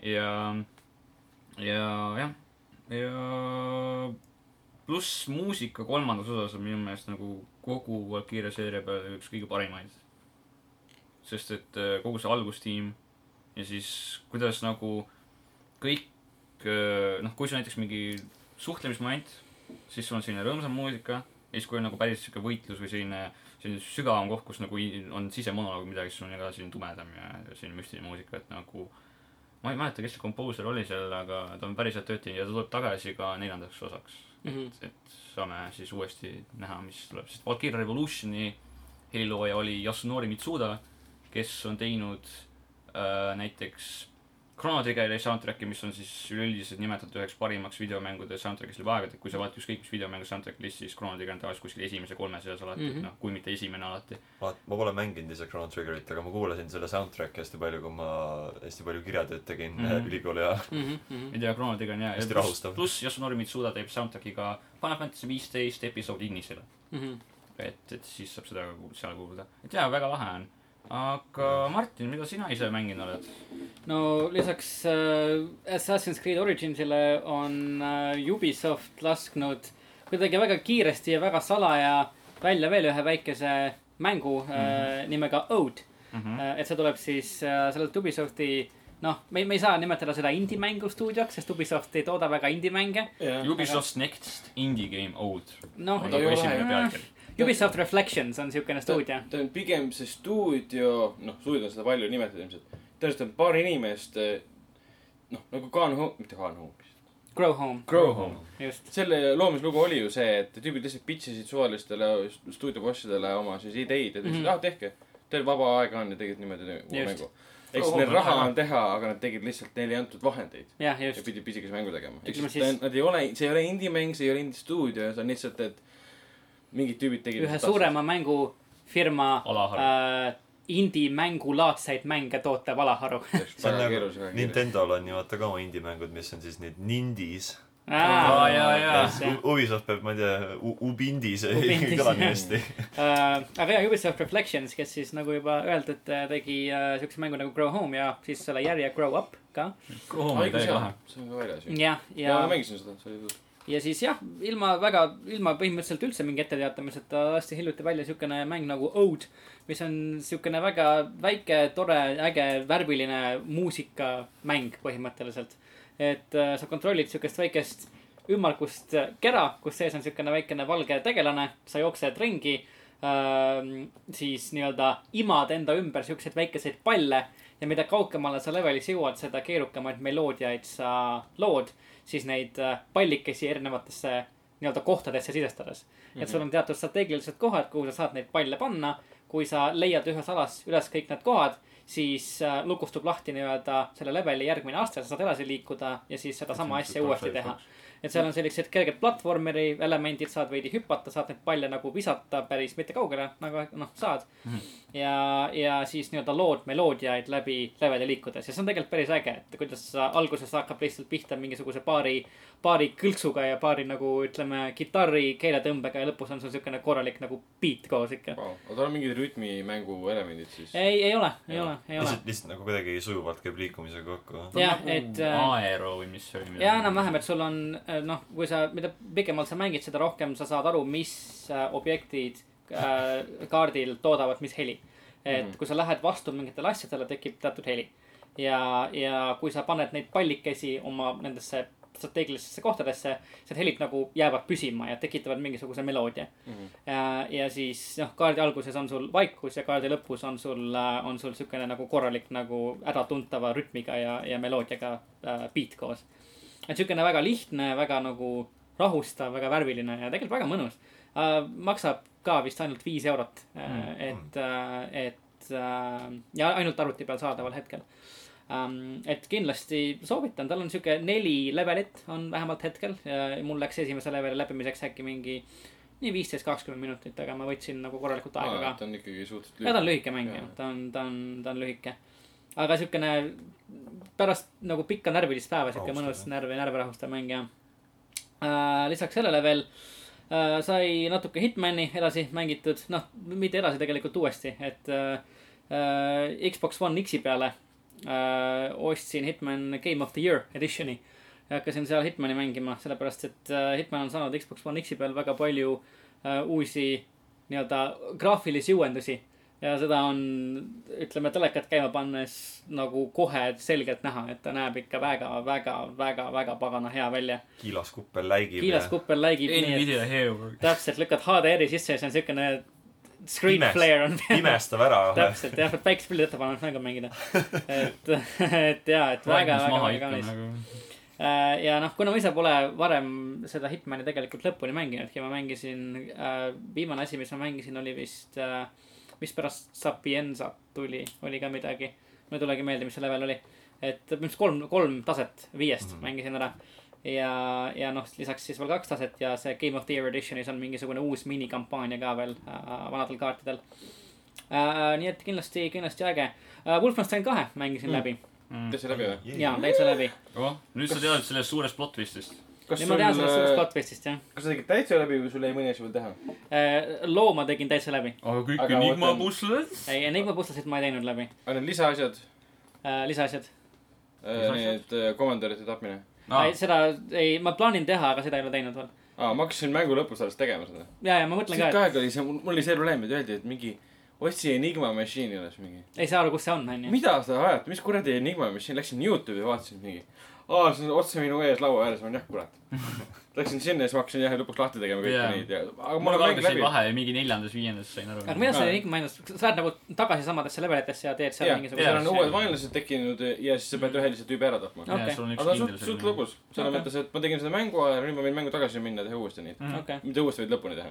kas see nagu toodab mingit uut narratiivi ka või, või see lihtsalt ei on, ei, aa, narratiiv on põhimõtteliselt see ainult, nagu ta ütles, et äh, aitab vabastada Ameerikat. jah, Okei. kui me- nüüd meil on see sündmused nagu läbi, aga me oleme siis selle mustanahalise naisega, kes iganes, mis Mhm. see nimi oli, laevas edasi, allveelaevas ja siis meie töö pole veel lõppenud, et me Jaa. peame neid komandörid maha võtma homme ja, okei, sest kuna ju lugu jäi tegelikult poolikuks, jah, me ei tea ju, kuidas see asi hakkab välja Just, nägema, mhm. see vabastamine. see on ka hea, et, et see Wolfenstein kahe puhul jääb mulle eelkõige meelde nagu täiesti vapustavalt võrratu karakteritöö lihtsalt. Mhm. jah, nõus, Et- nii lahe. et see tulistamine, ma nagu, ma alati, ma, ma olin nagu rohkem elevil, elevil, kui algas vahevideo, kui ma, või kui siis, kui ma pidin midagi tulistama. mis ongi, et hästi paljud inimesed nagu kritiseerisidki seda, et neid vahevideosid on kuidagi liiga palju, aga see-eest nagu sama, sama inimesed nagu jah kiitsid, et nagu esimene, see New Order nagu paistis nii silma, kuna see oli noh, hea tulistamismäng, aga kõik need tegelased, kes arvavad, et oleks lihtsalt sellised ühedimensioonilised nagu Let's Mhm. kill the Nazis on tegelikult väga, väga nagu head ja sügavad mm -hmm. jaa, tegelased. täpselt. ta on siukene Tarantinolikult twisted selline mõnusalt riukalik, jah. Riukalik väga see. siuke süsimust huumor. aga kui sa nagu vaatad neid võrratult animeeritud, võrratult häälnäidatud stseene nagu Blaskovitši lapsepõlvest näiteks ja sa lihtsalt Jaa. mõtled, et nagu Jaa. täiesti nagu see on lihtsalt traagiline, et ma nagu reaalselt, mind huvitab, mis seal ekraanil toimub lihtsalt. muidugi need mängusektsioonid ka, kus sa lähed oma lapsepõlve koju ja mis seal muidugi edasi juhtuma hakkab, su isa ja just. kõik see. see on nii kuradi traagiline ühel hetkel, noh, mis ühe, üks inimene peab elus läbi elama. mm. -hmm, just, kui sa arvesse võtad selle sisulise twisti ka, mida me ei taha välja öelda, see on nagu mida actual nagu et see on ellu. nagu, see on siuke korralik nagu, nagu siukene ansambli teos põhimõtteliselt, sul on nagu hunnik tegelasi ja mulle endale tuli kohe nagu paralleel äh, äh, The Walking Deadi televis-, telesarjaga Mm. et see The Walking Deadis on sul nagu suur hunnik tegelasi, aga nagu sa ei, sa ei tea, kes nad on. et see on nagu, sa vaatad seda sarja ja sa tead, et seal on Rick. Okei okay,, siis on sul see Preester Guy, siis on seal teine, teised tüübid, te olete nagu kogu aeg seal, aga me ei tea teist mitte midagi, teid ei arendata nagu mitte mingil moel Mm. samal, samas ajas, kui äh, sa oled nagu koos nende Wolfensteini tegelastega, keda, keda oli päris palju seal laeval ja neid nagu näidatakse nii professionaalselt selle minimaalse aja jooksul, mis neil on, et Mm. nad jäävad sulle kohe meelde, et sa, sa seostad neid mingite kindlate asjadega. Ja ta on, see on kavalalt üles ehitatud ka, sest sa võid alati, kui sa tuled missioonilt ju kohe Mhm. video ära oodata, kohe minna järgmise missiooni peale. selle asemel talvelaevas ringi hakati Just. arutama. mina seda alguses tegin, mm,, aga mida rohkem rahvast sul laeva tuli, seda rohkem tekkis võimalusi inimestega suhelda. ja tegelikult sa ei saanud otseselt midagi peale selle, et nad räägivad omavahel ja teevad asju ja sa saad jälgida seda. mm. -hmm. ja siis nad teevad seda sinust sõltumata, et sinu saabumine nende juurde mingi E-tähe vajutamise arvuti peal ei trigger'i seda sündmust. Nad teevad oma asju nii või naa luupis kindlasti umbes niimoodi, aga see oli huvitav. Pluss sealt tulid ka kõrvale missioonid, jah mis oli selle mängu kõige üllatavam osa, et see üle poole mängust oli läbi ja tulid kõrvalmissioonid. mm -hmm. Side missions nagu selle, sellelaadses mängus. ja see Just. nagu, üks tuttav ka, kes ütles, talle üldse mäng ei meeldinud.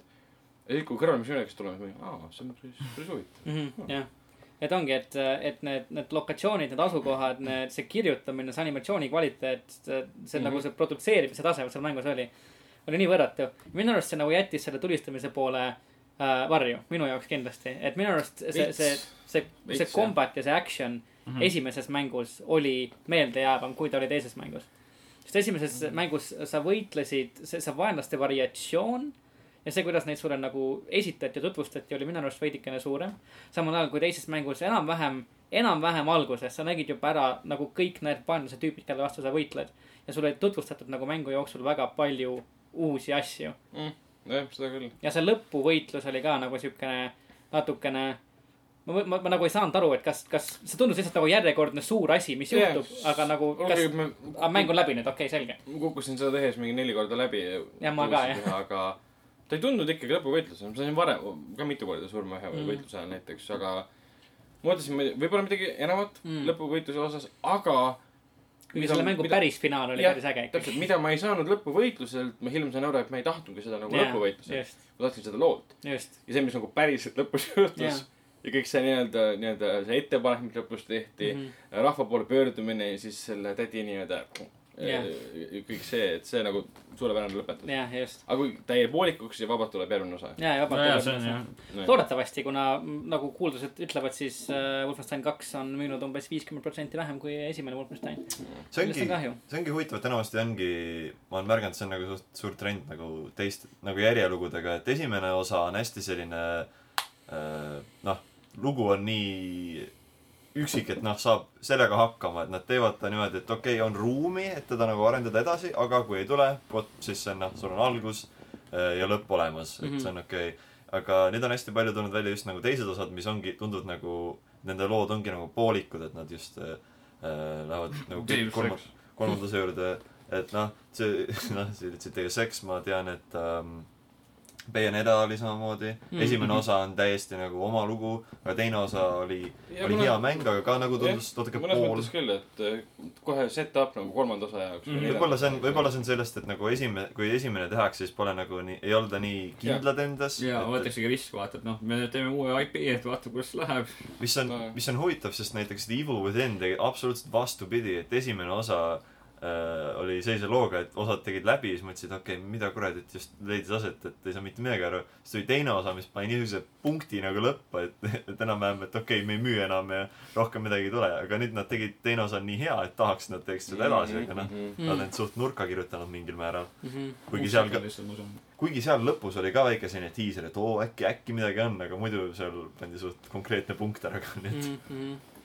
väga hea, et selles Wolfenstein kahes, seal seal on nii palju häid momente, see, see moment, kus sa istud, kus mingi džässimängija mängib sulle saksofoni samal ajal, kui mingi madin käib väljas ja sa ennast mingisuguse Mhm. Ameerika revolutsiooniga lihtsalt Jaa. nagu kommunismi teemal vaieldes täis jood põhimõtteliselt Mhm. see, kus vaieldamatult parim stseen minu jaoks selles mängus oli, oli, oli Adolf Hitler.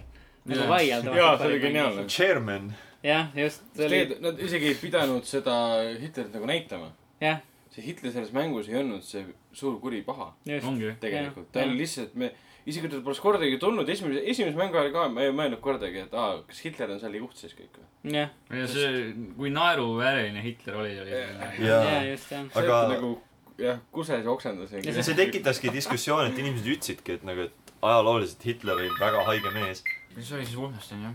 just, ja siis äh, veel üks väike mäng, mis ma olen mänginud, on äh, mäng nimega To the Moon äh,. To the Moon, mul tekkis vahepeal tahtmine mängida loopõhiseid mänge ja siis ma guugeldasin äh, narrative based games ma tean seda mängu, Google'is ja, ja väga paljud äh, Redditi teemad pakkusid äh,, pakkusid välja mängu To the Moon äh,. tõmbasin alla click, ostsin. Steamist, mängisin väga, väga, väga hea mäng. on küll, et loo põhjal on väga hea mäng. ja Ole nagu tõsiselt võtab nagu, võtab nagu klimbi kurku lihtsalt mm, Mhm. -hmm. et nagu väga-väga hea mäng. kahe tuhande üheteistkümnendal aastal tuli algselt välja äh, ühe Kanada mänguarendaja poolt loodud siukene ülevalt vaates piksli graafikaga mäng. kahte tegelast vist jõudsid. kahte tegelast põhimõtteliselt juhid jah, siuke hästi lihtne, siukene. see on RPG Makeri tehtud, RPG Makeris tehtud. just siuke point and click mäng ja sul nagu väga midagi valida, väga mingi midagi kuskile nagu aga väga, väga minna ei nagu ole. kirjutatud väga jah. hästi kirjutatud äh,, väga hea lugu, põhimõtteliselt sa mängid siis kahe tegelasena, kahe arstina, kes töötavad firmas, mis äh, tagab surevatele inimestele nende äh, viimaseid soove mm. -hmm. pannes uskuma nad seda, et nad on teinud neid asju, mida nad tahavad teha, mitte nagu reaalselt tehes neid mm. -hmm. vaid nagu minnes ühe masinaga nii-öelda nende mälestustes tagasi, nii kaugele, kui nad saavad ning siis istutades nende pähe ähm, nii-öelda fiktiivse, väga tugeva soovi teha seda, mida nad tahavad teha. mis siis paneb neid nii-öelda võltsilt mäletama, et Mhm. nad on teinud seda, mida nad tahavad teha. Ja siis uh, hetkel siis noh, selles mängus To the Moon uh, nad lähevad ühe sureva mehe juurde, kelle siis viimseks sooviks on minna kuule um,. ja, ja see, mis seal juhtub ja need tegelased ja see kirjutamine, see on nagu nii nagu inimlikult liigutav lihtsalt, et ta on, ta on tõsiselt väga-väga hästi kirjutatud mäng ja ma, mul on nagu väga hea meel, et ma selle mängu leidsin, sest et ma arvan, et paljude inimeste jaoks on ta jätkuvalt nagu selline avastamata pärl. Mhm. see on paljudele nagu südamelähedane ja et äh, mina kindlasti, kindlasti soovitan uh,. vot nii, aga, aga need olid uh, meie mängud seekord, enne veel, kui lähme uudiste juurde, siis uh, level ühe Youtube'is Youtube.com kaldkriips level üks ee. täpselt uh, on näha uh, meie Assassin's Creed'i video, see, kus mina ja Margus siis mängime Assassin's Creed'i. mis pani mind ajendama selle ostule. just, mis Margus usku pööras ning äh, ehk saab näha siis ka Fortnite'i videot meie Youtube'i kanalil. et jääge ootele ja minge vaatama ning mängud, mis ilmuvad kahe podcast'i vahel äh,. Xenoblade Chronicles kaks ilmub Switch'ile esimesel detsembril. väga, väga, väga lahe, esimene mäng oli täiega lahe. ja kui sa mõtled, et teine mäng ei saa sind kuskile mujale viia, sest esimese mängu tegevus toimub suure jumala peal, siis teine mäng on veel suure jumala. veel. suurema jumala peal. nagu me teame, pikk tänav pole, pole limiit. Sa saad Üli- minna veel pikemaks. ei, ja vä- ge- vä- gameplay näeb ka väga lahe välja ja ma tõsiselt nagu kindlasti, kui Switch'i soetan endale nüüd mingi jõuluaeg, siis, siis ma kindlasti korjan selle üles. mm. -hmm. ja lisaks siis veel Dead Rising neli Frank's Big Package tuleb äh, Playstation neljane viiendal detsembril. Kas teil on geniaalne A pealkiri mulle meeldis, mulle meeldis Frank enne, kui ta meem oli. mulle meeldis Franki esimeses mängus ja siis teine oli ka päris lahe. teine, teises oli ta nagu, tegi nalja enda üle, sest ta oli selline paks nagu washed up mm. -hmm. tegelane. ja noh, see terve mõte selle teise mängu taga oligi, et, et, et fännid tahtsid, et ta tuleks tagasi, nad olid, näe vaadake, milline jorss ta nüüd on. Mm. kolmas mäng oli Skip, sest et ta oli Xbox One'i peal, mida mul ei olnud. nüüd on ta arvuti peal ka, jah. aa jaa. ja siis tuli nüüd neljas, kus mis oli ilge fail. saadi lahti hästi paljudest asjadest, mis tegid Dead Risingust Dead Risingu, aga noh, Mm. aga sa saad teha zombidega selfisid.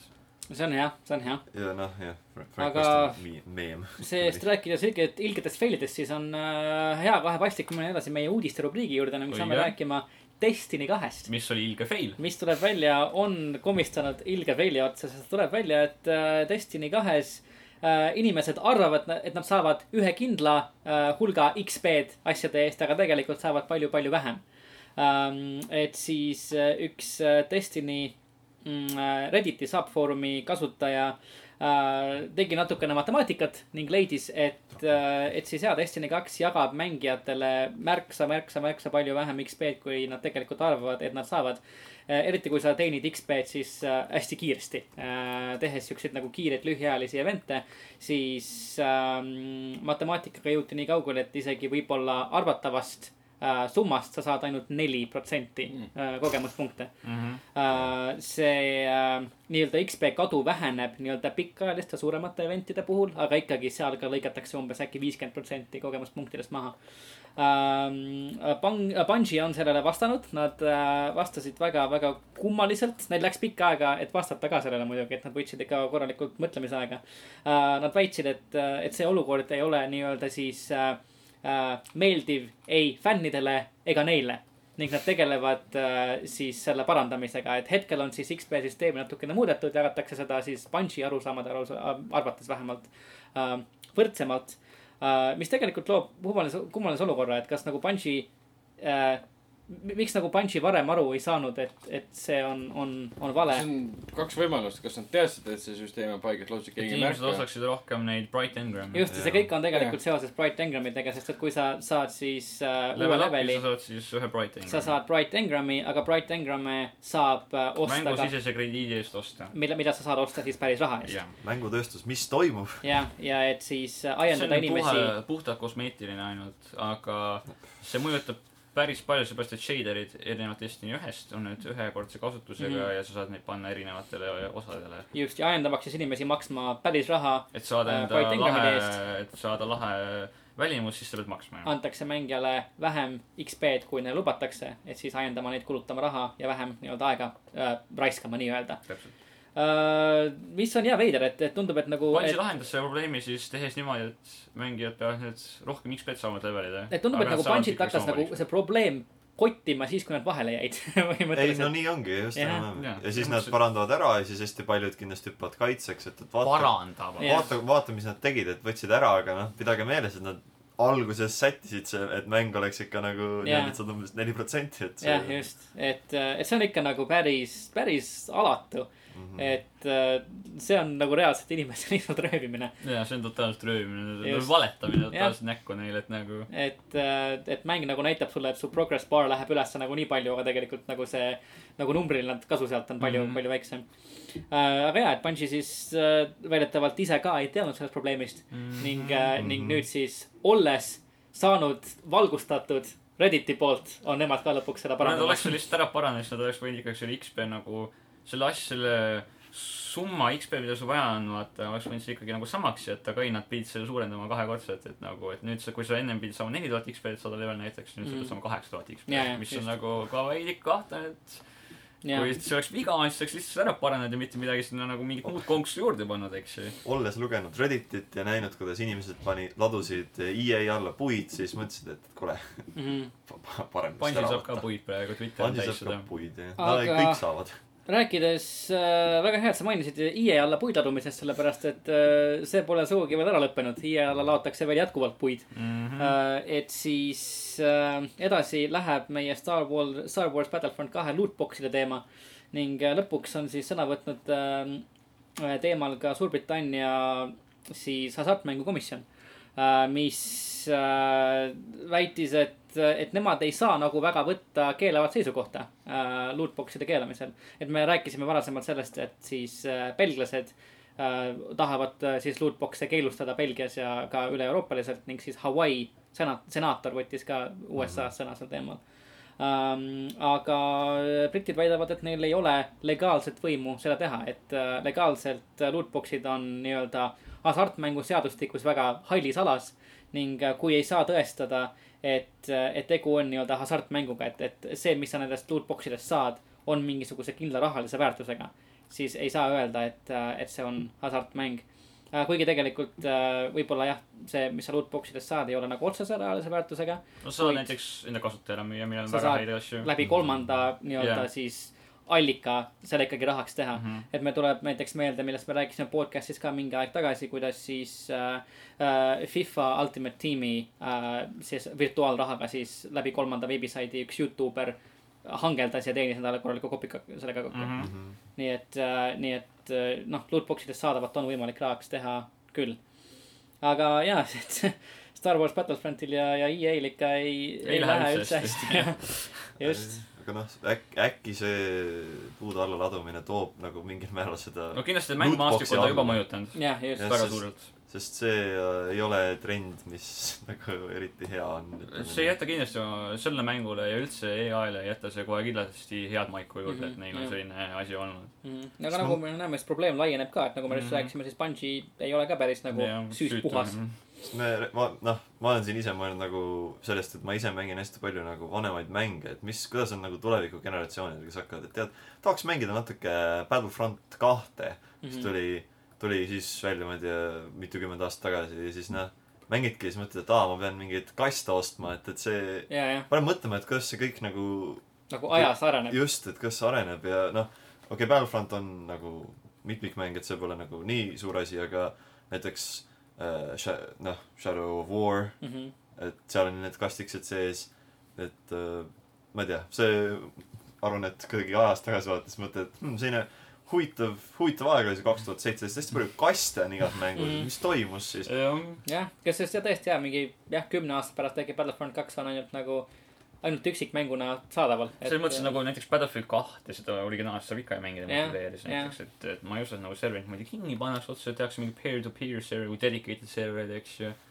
aga jaa, mis siis saab nendest kastidest tulevikus? mm. -hmm, just. huvitav, eks, eks näis. eks näis, rääkides veel äh, EA-st, siis äh, äkki tuleb meelde, et mõned ajad tagasi EA pani kinni siukse stuudio nimega Visceral. lõpetas ära siis nende äh, üksikmängulise Star Warsi tootmise, mis oli seal nimi ka või? Viscerali Star Warsi projekt, just, mida siis- kus oli seotud Uncharted'i Amy Henning kirjutajana ja, ja, ja kõike. Ja- keegi oli veel Naughty Dogist minu ja arust. keegi oli vist veel jah,, ikka suur tiim oli selle taga. ikka päris, päris korralik. tiim.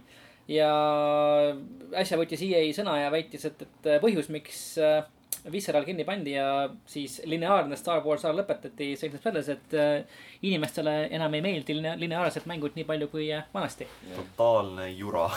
No, ma tahaks teid tutvustada mängude nagu Horizon Zero Dawn, Nier Automata, Persona viis, Zero. ma arvan, et äh, jah, inimestele meeldivad nagu üksikmängu, nagu noh, üksikmängud nii-öelda, kus sa, kus sa, kus pole nagu mingit multiplayer'it. aga kui me räägime nagu lineaarsetest mängudest, sest et on, on vahe näiteks nagu Assassin's Creed Originsil, mis on üksikmäng, aga ta pole lineaarne mäng mm. -hmm. et, et äh, ma arvan, et on ikkagi lineaarsetel mängud, mängudel on, on mängija baas mm, Mm. -hmm. aga kui me võtame arvesse nii-öelda mängude kui meediumi suurenemise, siis ta on eelkõige suurenenud inimeste arvel, kes mängivad teistega koos. Hellblade, mis on ka lineaarne mäng, just. Müüs viissada tuhat koopiat. Just no, täna. jah, aga kui sa oled EA, siis kui sa müüd viissada tuhat koopiat, siis sa ei müü mitte midagi. nojah, Cuphead pole open world. tõsi. ja noh, Wolfensteinist sai siin pikalt räägitud, Evil Within kaks, kuigi noh, seal on open world selliseid elemente. aga ma arvan, et see on mingi, see on nagu selles suhtes ka argument, mis nagu on äh, viimastel aastatel esinenud hästi palju äh, nagu erinevates kommuunides, sest vahepeal oli suur trend, et igas mängus peab olema mingisugused open world nagu elemendid, sest leiti, et voh, see on see uus popp asi, paneme igale poole sisse ja see ei Mhm. paljud inimesed märkasid, et see ei tõlgendu ümber nagu väga hästi, et, et see, et mäng, mängus nagu saad vabalt ringi liikuda, peaks olema just sinna mängu nagu noh, mängitavuses kuidagi disainitud, see peab kokku minema sellega, mitte et ah, see on, on nüüd avatud sellepärast, et lihtsalt suur, sellepärast et suur olla. just, et äh, igal mängul nagu oma lähenemine ja noh, mina ka pigem vahest tahan mängida mingit sellist lühikest konkreetset mängu, kus ei olegi mul nagu võimalik, ma ei tea, igale poole minna mm. ja joosta pealoo eest minema.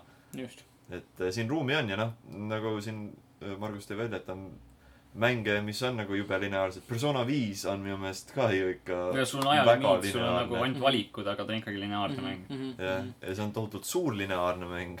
ma arvan, et see läheb lihtsalt kokku nagu üldse nagu EA mängu arendamise poliitikaga, et nad ei ole väga stuudio, mis on valmis võtma nii-öelda üksikmängude puhul suuri nii-öelda riske, nagu näiteks Bethesda võttis Wolfensteini puhul alguses.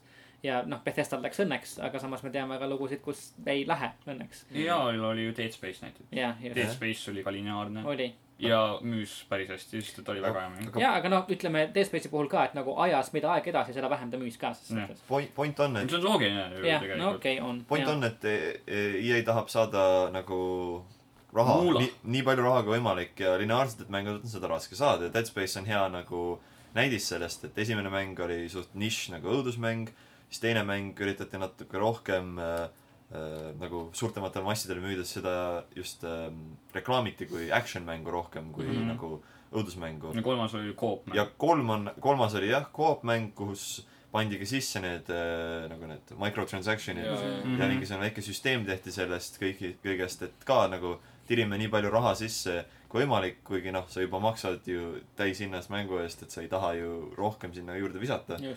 ja noh, siis lõpuks in-, inimesed nagu hästi paljud ei ostnudki kolme sellepärast Mhm. ja sellepärast see müüski halvasti. et see ongi selline nagu noh, EA tulistas end jalga ja siis mõtles, et vaata, et mängijad vigastasid meie jalga nüüd Mhm. enam-vähem, et nagu oma, oma viga mingil määral, aga ja minu arust EA mentaliteeti selgitab väga hästi äh, just pärast Viscerali kinnipanekut Kotakus ilmunud väga hea ülevaatlik artikkel, kus äh, üks äh, anonüümseks jäänud Viscerali arendaja väitis, et, et üldiselt nagu EA äh, nii-öelda pintsakliplastega koht-, kohtumistel oldi, oldi, küsiti, et noh, et et FIFA Ultimate Team teenib meil reaalselt nagu miljard dollarit aastas, et kus on teie versioon sellest mm. -hmm. et kui sa seda ei suuda nagu produtseerida, siis äh, sa pole EA jaoks väga oma aega ja raha väärt äh,. see on nagu veits, veits naljakas tegelikult. sest ju Mass Effect, ütleme esimene, teine ja kolmas, need on ka tegelikult lineaarsed mängud., sa saad lihtsalt nagu minna planeetide peale, aga see on Jah. ikkagi lineaarne tegevus. sisu on lineaarne, kui sa lähed Jah. ainult missiooni järjest, see on väga lineaarne. ja kas me ei oleks siis tahtnud, kas keegi oleks siis ostnud või kas see oleks olnud edukas Star Warsi mäng, mis on Mass Effect'i stiilis, ta on lineaarne, erinevate planeetidel, noh, ideaalne, jumala äge oleks. Mass Effect on ju üks kõige tuntumaid EA seeriaid isegi see üldse. neljas osa müüs, ma usun, piisavalt, et olla nagu edukas nende Jah. jaoks. Okei okay,, mitte võib-olla niivõrd palju tänu sellele skandaalile. see on huvitav, et Star Wars ei julge nagu, ja Star Warsi IP-ga ei julgeta võeta nagu riske, võtta riske, et teha uusi asju. See on see on asi, mis müüb võiks- iseennast lihtsalt. jaa, jaa, et sa võid teha Star Warsist mingisuguse, ma ei tea, mustvalge film noir, kui sa tahad, ikka inimesed maksavad nagu miljard äh, dollarit sulle, et seda vaadata. Mass Effect Andromeda tõi EA-le sisse sada üksteist miljonit dollarit. milles probleem nagu? jah, et okei, no ma ei tea, ei, ma, ma, see ei ole tegelikult väga palju, ma arvan, et selle mängu Nojah. arendamiseks kulutati rohkem raha. Nad, nad räägivad natuke endale vastu, aga noh, see ongi, et EA-ga hästi tihti paneb selle lati ikka nii kõrgele just nendele lineaarsetele mängudele, et noh, siin Dead Space'ist sai räägitud ja üldiselt peab mõtlema tagasi, et kui esimene Dead Space lasti välja, nagu näha nagu,, nagu ei näinud, et see oleks mingi nišmäng, vaid et okei okay,, sellest nüüd tuleb järgmine suur hitt, siis tegid selle jaoks koomiksiseeriad, tegid selle jaoks nagu filme ja kõike, et see nagu, anime, anime, see on. et see oleks nagu Mass mingi suur Effect Andromeda tegemiseks läks seitsekümmend kolm miljonit. no, no No, ikka sai nii, kasumit. Mass Effect kolm müüs ühe kuuga kakssada miljonit dollarit väärt Mm. mm.. Mass Effect kaks müüs esimese nädalaga kaks miljonit koopiat. mm. nii et nagu ma ei näe probleemi. Need nagu lineaarsed üksikmängud ikkagi on müünud EA-l. Ega No. samas, kui sa kulutad seitsekümmend miljonit ja saad tagasi sada kümme või sada üksteist miljonit, siis sa tegelikult oled kahjumis. siis ma kujutan ette, et Nojah. EA jaoks on see pigem jah, see, väike. see on sama, kui raha. film, mis tehakse seitsmekümne miljoni oli nagu- tagasi, siis ta on tegelikult. see oli nagu ühe kuu vältel.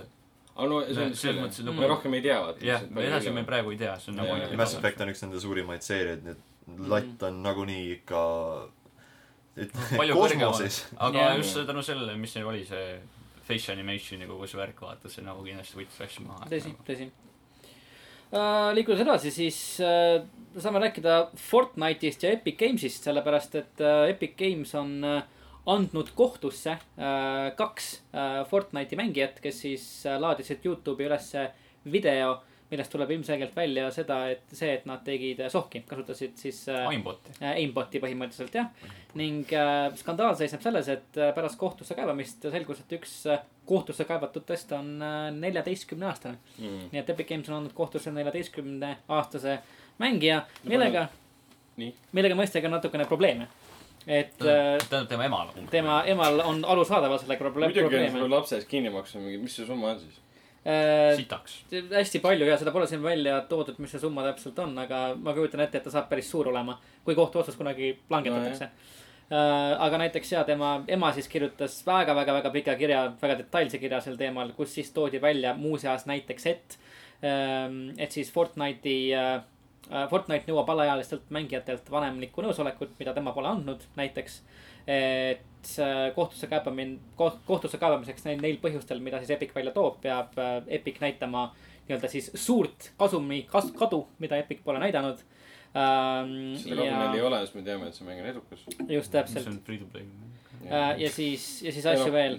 pluss, pluss lisaks sellele, et siis, et mm, neil neljateistkümne aast-, aastase inimese kohtusse andmine on seadusega keelatud, seda ei saa lihtsalt teha, ta on ja pluss alaealine. see ka, et, et, et nad lähevad selle lapse kallale, mitte selle kallale, et kes tegid selle cheat'i Jah. vaata, ja, siis lihtsalt jah. ta on lihtsalt ju mingi neljateistaastane tüüp, kes tõmbas selle kuskilt sailt alla, eks ju, et Mm. lihtsalt kasutada. et nagu. patuainas. Jah, ta on lihtsalt saidi nagu- omanikega ühendust, kes iganes üles laadis mm, Mhm. -hmm. track'i IP-sid, noh.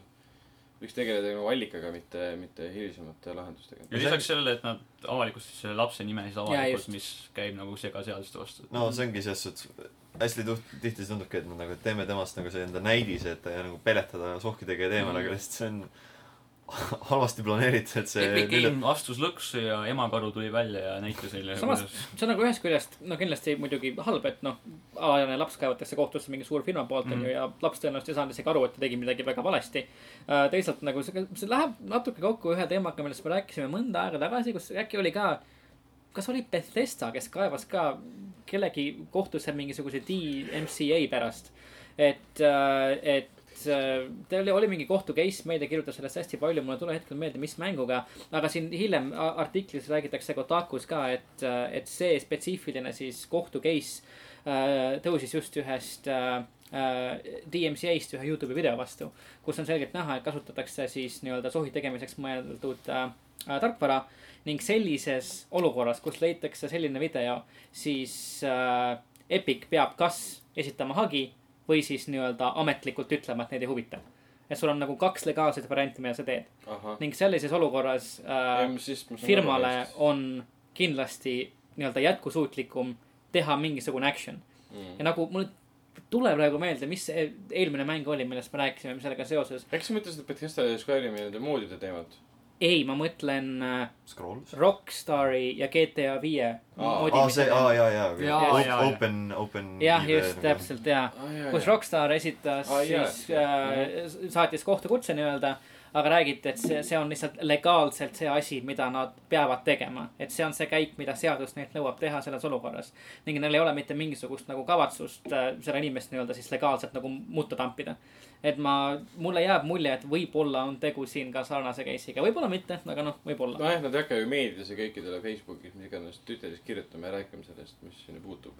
see on nagu nende asi, vaheline asi tegelikult, aga ma ei tea, kui asi lähebki selline välja, et nad nõuavad emalt mingi, ei tea, mis summasid välja, siis on see see natuke. oleks veidi veider jah, see oleks mm. -hmm. oleks veidi veider, aga noh, samas sellesama pressiteate juures väidab Epic ka seda, et, et nad ei talu mitte mingil juhul äh, sohi tegemist oma mängus, ükskõik kui vana või noor või kes Mm. iganes sa ka oled, nii et äh, nojah. ei, ma saan vist aru, nad peavad seda ütlema. ma ei saa lihtsalt bännigi selle tüüp ära ja ongi kõik. Nagu ma ei saa See lihtsalt on peate nagu ekstreemne. mingi teist auku ajama lihtsalt Jah, nagu. Soki tegijaid, sul tuleb ükskõik mis mängu. tõsi, et kui igaühega kohtusse minna, siis. siis noh, ma usun, et see läheb firmale palju rohkem maksma kui see, mis nad sealt tagasi saavad. Mhm. Uh, kas keegi Marveli Hero'st on mänginud ei, Ei ole. uh,? ei saa mängida ka enam, sest Marveli Hero'st tuleb välja, pannakse kinni uh,. just, nii kahju, Marveli Heroes lõpetab oma eksistentsi. Et kaks tuhat kolmteist tuli äh, PC peale välja siukene isomeetriline Diab-, Diablot meenutav äh, mäng ja, ja just äsja tegelikult tuli konsoolidele ka välja. mis teeb äh, aina üllatavamaks selle, et, et äh, ta nüüd täiesti ära, juhe seinast ära Marvel tõmmatakse. Heroes pandi kinni juba too. on juba kinni või? jaa, teose arendajad aga väidavad, et Marvel Heroes'e serverid suletakse tunduvalt varem, kahekümne neljandal novembril. stuudio staatus oli aga tunduvalt konkreetsem, sest Kirsten Ajal kompanii kaane sisse löödi kahekümne teisel novembril, päev enne tänapäevasid. Mina loen siit, et kol-, kol-, kolmkümmend üks äh, detsember on, on viimane hingus jah, äh, aga. siin on kirjas, et teose arendajad väidavad, et Marvel Heroes'e serverid. Tal on nagu- ühesõnaga, me ei tea, mil Marvel Heroes kinni pannakse. Kliiniline surm.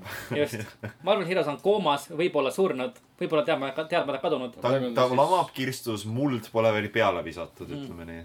praegu on kunstlik hingamine ootab eut- eutanasiat. just Jah.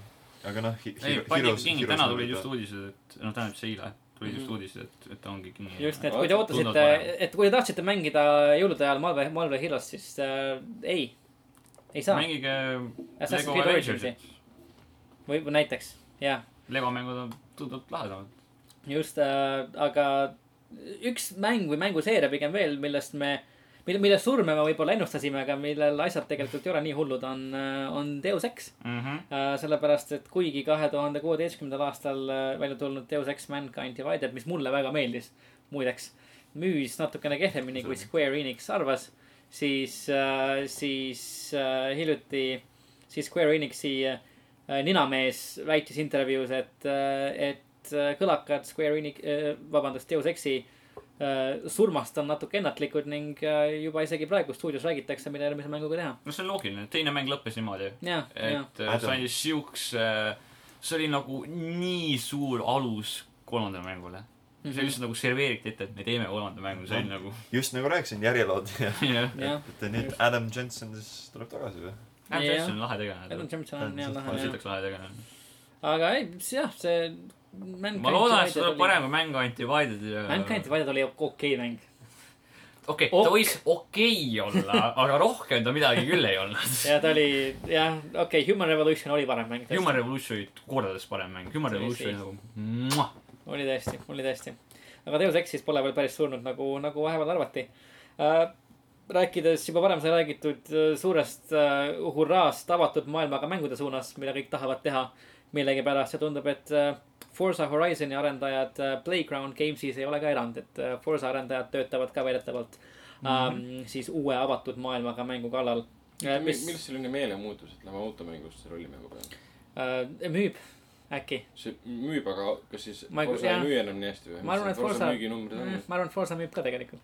no loodetavasti siis ikka kuidagi läheb nagu mängitavusega ikka kokku, mitte Mm. et, et oi, vaata kui suur maailm meil on, et no ma ei tea, sellepärast, et no üks stuudio, mis tegi avatud maailmaga mängu, hea avatud maailmaga mängu Out of Nowhere oli äh,, oli Guerilla Games, ja, ja täpselt jah, nemad olid ju ainult koridori shooter'id kes põhimõtteliselt. tegid Killzone'i pikalt ja siis tegid äkki Horizon Zero Dawni. mitte päris koridori jah, aga ikkagi. jah, just, nii et äh, pretsedent on olemas, ütleme, positiivne pretsedent. kas see pole äkki autorollikas huvitav, seda, seda on küll tehtud. Üks mäng üks mäng oli. sa oled avatud maailmaga Transformerite mäng. just päris tõus tegelikult. tegelikult oleks küll jah, tee, ma isegi mängiks seda, Michael, Michael Bay on produtsent. arvata enda õhku poole mängu pealt. ja Megan, Megan Fox on narrator äh, selle vastu isegi polekski midagi. ja Shia LaBeouf on lihtsalt hull. sest seda on niikuinii. jah, täpselt. ka mängus äh,. lisaks veel on suured plaanid äh, sellisel stuudiol nagu Niantic äh,, kes on tuntud Pokemon Go arendajatena. level ühe lemmikmängu. level ühe lemmikmäng Pokemon Go. sellepärast, et Nianticu järgmine mäng saab olema samuti liitreaalsusmäng pealkirjaga Harry Potter Wizards Unite kus sa siis saad minna nagu Pokemon Go'ski reaalajast äh, tänavate peale ringi jõlkuma ning siis kas üksi või koos teistega siis maagilisi Harry Potteri universumist pärit, pärit koletisi hävitama, jahtima Aa., killima. ehk siis nagu võlukepiga nii-öelda, et. ja ma arvan küll jah, et me ei tea sellest mängust. püüad, Harry Potteri tegelasi kinni. Jaa. hakkad täna oma telefoni ja siis viibutama ja kõik vaatavad, mida sa teed. ta oli Sleviosa. jah, täpselt. feetus, deleetus. issand. aga jah, rohkem ma sellest mängust peale spelli. feetuste reetuse väga ei teagi. et lihtsalt Wizards Unite, Harry Potter ja väidetavalt, väidetavalt on äh, Niantic saanud selle mängu loomiseks rahastust tervelt kakssada miljonit USA dollarit. Margus näitab meile hetkel feetuste leetus meeme. väga hea meem on. vaadake ise järgi. kas, ta teeb seda siis nagu Warner Brothersiga koostöös ma kipun kahtlema, kui ma vaatan seda logo, siis see logo on väga nii-öelda filmilik mm.. äh,, see Harry Potteri font ja kõik see filmilik äh,. ei no sa aru saada. ka Potterinu teemas. me hakkame neid Fantasi- Dementore koguma. Denetore. või kes need on need surmakirjad? Dementore. Dementorid. Denetor oli. Dementor, Kord- kord- Kondori valitseja Stewart of Gordon. Gordon, Gordon. hakkame neid. Kord, Kondor. ei see on nagu mingi Ko- Kondori näitlejate tankvõistlus lihtsalt. Kord, Kondori Kondor. ei, Kord- Kondori Gordon..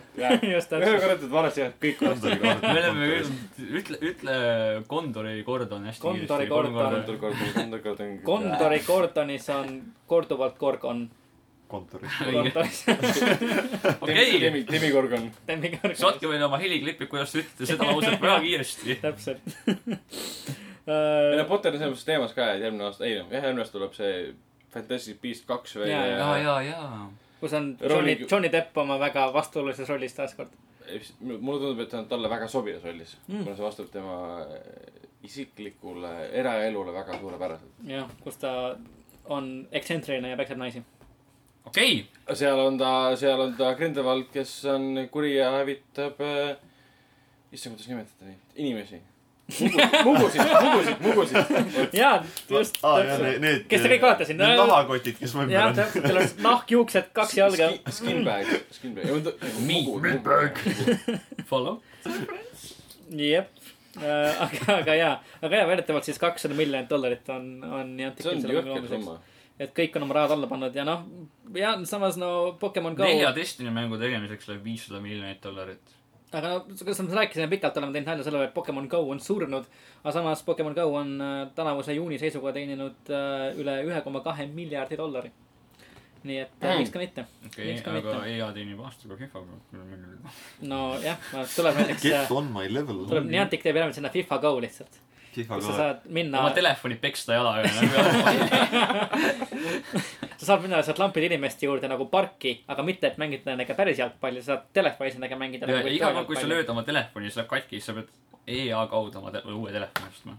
see täpselt on geniaalne ja maksma shipping ut ka, jah, nagu kõike lihtsalt. kõik nagu telefoni valmimisprotsessi peab ka kinni maksma. vabalt, muidugi vabalt, selge.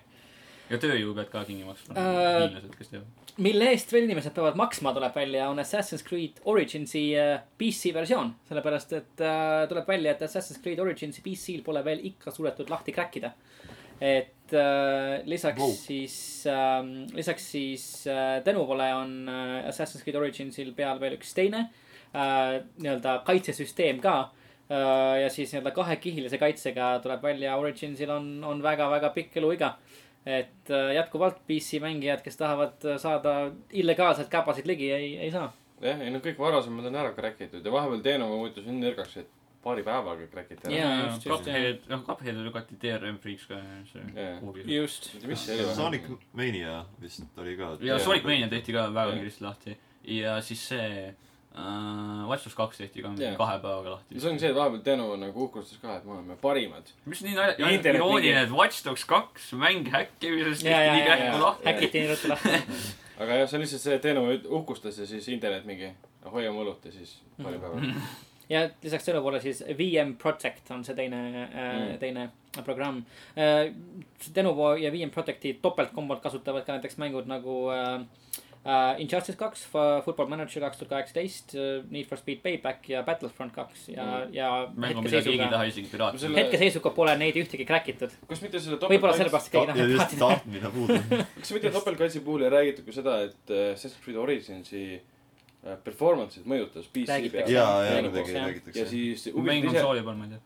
nojah, aga Ubisoft väitis, et siis tegelikult, et see ei vasta üldse tõele, kui ta üldse mõjutab, on see nii minimaalne protsent, et sa ei pane tähele. mm,. no siin väga palju muidugi väitsa vastupidist, et see mõjutab. osad räägivad, et, ise et see topeltkaitse võtab enda alla tervelt lausa kuni nelikümmend protsenti CPU äh, jõudlusest. nii et äh, on mängijaid, kes on sellest mõjutatud.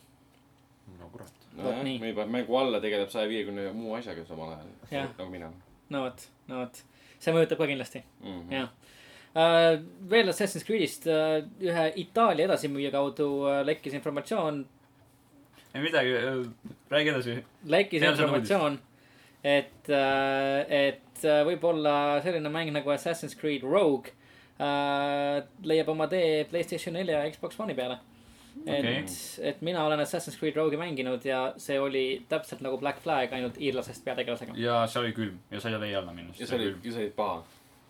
jah, just, mitte, et inimeste tapmine oleks hea, et mõnes mõttes on mõlemad pooled halvad. jah, aga ja kas nagu Rogue nagu esitles väga hästi selles mõttes, et nagu kolmanda osa alguses vaata, sa oled ka nagu paha, sa mängid ju selle ja Heidiga. see isa. Assassin's Creed Rogue räägib nagu äh, minu arust enne Originsi, võib-olla isegi Originsi parema loo. et sa, sa oled nagu assassin, kes nagu Äh, vähemalt hetkeks ei kahtle nendes idiootsetes asjades, mida sa teed, vaid sa nagu lihtsalt mõtled selle peale, et hmm, äkki ma nagu olen reaalselt osa nagu ühest mõrvarlikust lihtsalt nagu kultusest, mis nagu ja tapab siis läheb üle teisele mõrvalikule jah, kultusele, mis siin siin on palju parem nagu. You, you guys are all right ses suhtes. I m fine with you guys. et, et jaa, nagu see lugu oli päris äh, hea, aga see mäng ise oli samal ajal, samal aastal muideks, muideks tuli välja Unity, kui tuli Rogue Mhm. ja, ja, ja Rogue, kumba ikka sa rohkem mängid? mina mängisin Unityt rohkem. eriti nüüd, kui Unity on korras ja väga hea mäng. Inimestel näod Nüüd. püsivad tervena. Arno ei olegi enam kõige näo Jah. peal. ei ole kaks, kaks hõljuvat silma ja suu.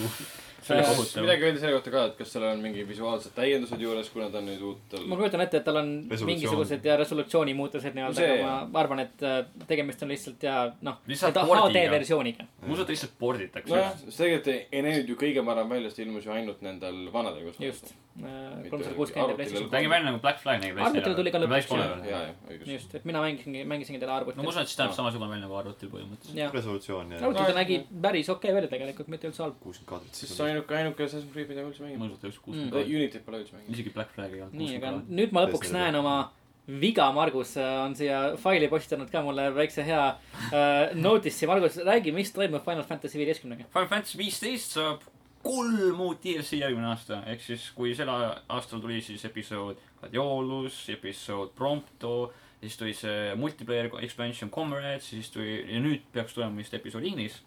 siis järgmine aasta toob veel kolm episoodi, mis on siis kõik jah, kahe tuhande kaheksateistkümnendaks aastaks ja Square Enix siis äh, vaatab need plaanid üle, mis tulevad täpselt. aga üks episood, mis on siis esimene, on siis Ardenist ehk siis mängu põhipahategelasest. Mhm.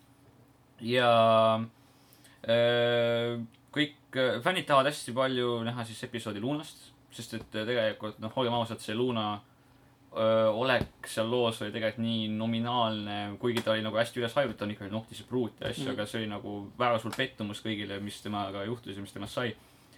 aga jah, ja ta, see Tabata ehk siis öö, see tüüp, kes nagu kogu seda Final Fantasy asja praegu juhib, ütles, et, et ta ei taha ainult nagu saada kokku kõikide ootustega, vaid ta tahab neid nagu murda totaalselt, et tahab nagu üle teha. ja Mhm. jah, Final Fantasy viisteist on siis jah, praegu olemas ja lisaks sellele varsti tuleb juba järgmine kuu, saab siis mängida kõigi, kõigi nelja tegelasega ka üksikmängukampaanias, saab vahetada Gladioluse, Prompto, Ignis ja kõige vahel.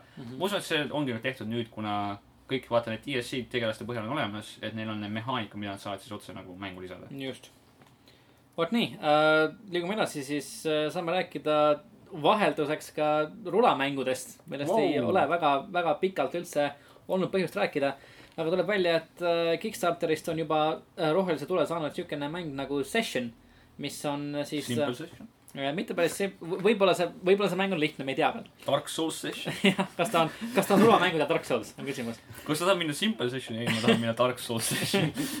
Uh, Session on siis uh, Tony Hawk uh, Pro Skateri ja, ja siis Skate'i stiilis selline rula rulamäng. juba on olemas mängule ka demo, mida saab siis vabalt netist alla laadida. kui tahate saada linki sellele, siis minge Leveli kodukale, seal on olemas ka uudis Sessioni kohta. uudise sees on olemas link kus saab demole uh, ligi. et mängus on olemas juba kõik uh, trikid ning siis rulapargis saab vabalt ringi rulatada ja, ja trikke teha. jah, mäng on juba raha kokku saanud põhimõtteliselt mm, -hmm. aga nüüd kogutakse lihtsalt nagu ekstra raha, et saada mingeid lisaasju sinna juurde vaata. just, just. päris äge tegelikult, et äh, ise pole nagu suur rulamängu fänn, aga ka Skate äh, ma olen, olen kuulnud ja aru saanud, on küll nagu päris popp ja kõrgelt hinnatud. päris hea füüsikaga mäng. mu üks sõber äh, armastab äh, skeiti ja siis mäletan, kui me vaatasime E3-e, siis ta lihtsalt iga kord, kui oli mingisugune announcement tulemas, ta lihtsalt Mm. skate neli, skate neli, skate neli. ja kord ei tulnud, siis ma kui tuleb Skate neli ja kui nad ei stiliseeri seda kui SK4T, siis ma olen väga pettunud lihtsalt. see on nagu nii, nii mööda lastud. Sk40. Forty jah uh,. lisaks. ei, Tony Hawk on ikka parim. jah, Nad on hästi nagu, inimesed ütlevad, et. see ongi selline Mhm. balanss on nende vahel, et Tony Hawk on, nagu teine rohkem osa on kõige parem. To- Tony Hawk on nagu selline nagu rohkem mängi-, selline mängulisem, natuke rohkem nagu kahes ja skate on nagu rohkem realistlik. väga hea. kahes oli väga hea muusika. aga Tony Hawk Underground kahes sa saad Shrekiga skate ida. sa saad No. Shrekiga kick-flip'i mis teha., mis äh, Tony Hawkis sa said mõistan, Shrek mängida on, Shrek on elu ja. Snake'iga? seda ma küll ei tea. ühes, ühes, ühes Tony Hawkis, mis on Playstation kahe peal, saad mängida Solid Snake'iga. Metal Gear Solid kolm Skate Eater. Oli väga Pachinko machine. aasta parim pann. hästi halb, aga kui me liigume edasi väga äh, halbade asjade juurde. väga halbade asjade juurde, siis äh, Bandai Namco äh, tuleb välja, tiisib mingit uut mängu mikrorani ahjuga. Mhm. mis värk sellega on? Meil on äh, Bandai Namco'l siis on omaette müstiline koduleht, kus on müstiline mikrolaine ahi äh,, mille peale klikkides siis äh, tuleb sealt suitsu, avaneb uks ja sealt tuleb välja muna Mhm. äh, ning äh, siis äh, taimer, mis näitab, kui palju, kui palju on aega, et tuleks mingisugust uut, uut informatsiooni. munataimeri simulaator. jah, täpselt. ja siis see taimer vihjab sellele, et neljandal detsembril me saame rohkemat teada Bandai Namco mm Mhm. -hmm. uue mängu kohta lisaks sellele Bandai Namcol on äh, toimumas mingi üritus, et viis, viieteistkümnendal detsembril mm. mm, -hmm. -hmm. kus näitakse siis viite seni teadaolevat, see, mängu, mida me ei tea, eks ju. ja Nintendo'l pidi olema päris äh, suur äh, present sellel event'il mm. Mhm, -hmm. et siis ma usun, et see mäng, mida nad praegu näitavad äh,, on ka seal olemas. just, et äh, jah, Bandai Namco on löönud koos ka, löönud käed siis ka Life is Strange'i arendaja Dontnodiga tegelikult, et võib-olla Mhm. tuleb sealt ka midagi. aga hetkel veel ei tea. spekuleerivad äh, My Hero Academia kaklusmängu, mis on siis üks a- anime, animeseeria. võib-olla. aa, isegi seda, seda ühendust ma isegi, selle üle ma ei mõelnud isegi. jaa, aga jah, päris paljud on rääkinud ja leiti mingisugused pildid ja asjad, et äkki see on lihtsalt nagu muna mikrolaine ahjus keetmise simulaator. Mhm. just jah, aga kust see seos tuleb, et see Don't Know'diga seoses olla? sest et varasemalt Bandai Namco on, on Dontnodiga nii-öelda teinud lepinguid ja mm, -hmm. ja Mhm. koostöö asju. no mis iganes see on, kui ta PC-le tuleb, siis see on äh, kindla peale üks suhteliselt sitt port. Seda- tõenäoliselt, seda me teame kindlalt. äh, üks väga hea PC mängude tegija. ajalugu, Nende jaoks see mik-, see mikrolaineahi ongi nagu PC põhiliselt. kui, ajaloost midagi õppida, siis küll jah uh,. ning veel uudisterubriigi lõppu mahuvad ka uh, siis detsembrikuu mängud Xbox Oh. uh, Goldi kasutajatele ja Playstation plussi kasutajatele. et uh, Games with Goldi kasutajatele detsembris Xbox One'ile uh, tuleb uh, tasuta saadavaks uh, Warhammer End Times Vermintide. see pidi vist uus olema tegelikult. pidi veel päris hea olema jah, pole isegi proovinud. Uh, ning siis ka veel Back to the Future uh, The Game 30th Anniversary ish- uh, Edition. mis on see Telltale'i mäng, mis on tegelikult päris hea. ja Laura Vind jälle mängis see. on päris lahe, ma. see peakski ette võtma need vanad. ja ma olengi. mõelnud, et Telltale'ist, see on ainuke mäng, mis mul Telltale'i mängudest on mängimata. Jurassic Park. See oli nagu esimene vot, Telltale'i mäng. see on jah. OG-d enne kui suur see populaarsuse pauk. Jaa, see oli üks esimestest jah. tegelikult Batman'i teine hooaeg on ka mängimata. ma ei ole Mhm. üldse Batman'i mänginud. vot uh,. Xbox kolmesaja kuuekümne peale Child of Eden ning siis Marlow Briggs and the Mask of Death. okei, see pidavat selline jah, selline suhteliselt nišš asi olema, aga pidavat noh, sest see oli vist hästi odav mäng, kui ta nagu välja tuli, aga hästi paljud olid nagu vau, see on isegi päris, päris hea. okei. Ma- ma olen näinud sellest- mängime. mäng, mängust nii-öelda videoid Youtube'is ja, ja see on päris siukene üheksakümnendate action filmi nostalgia, veits cringe ja siukene nii naljakas, et olla hea, ütleme nii. just, just.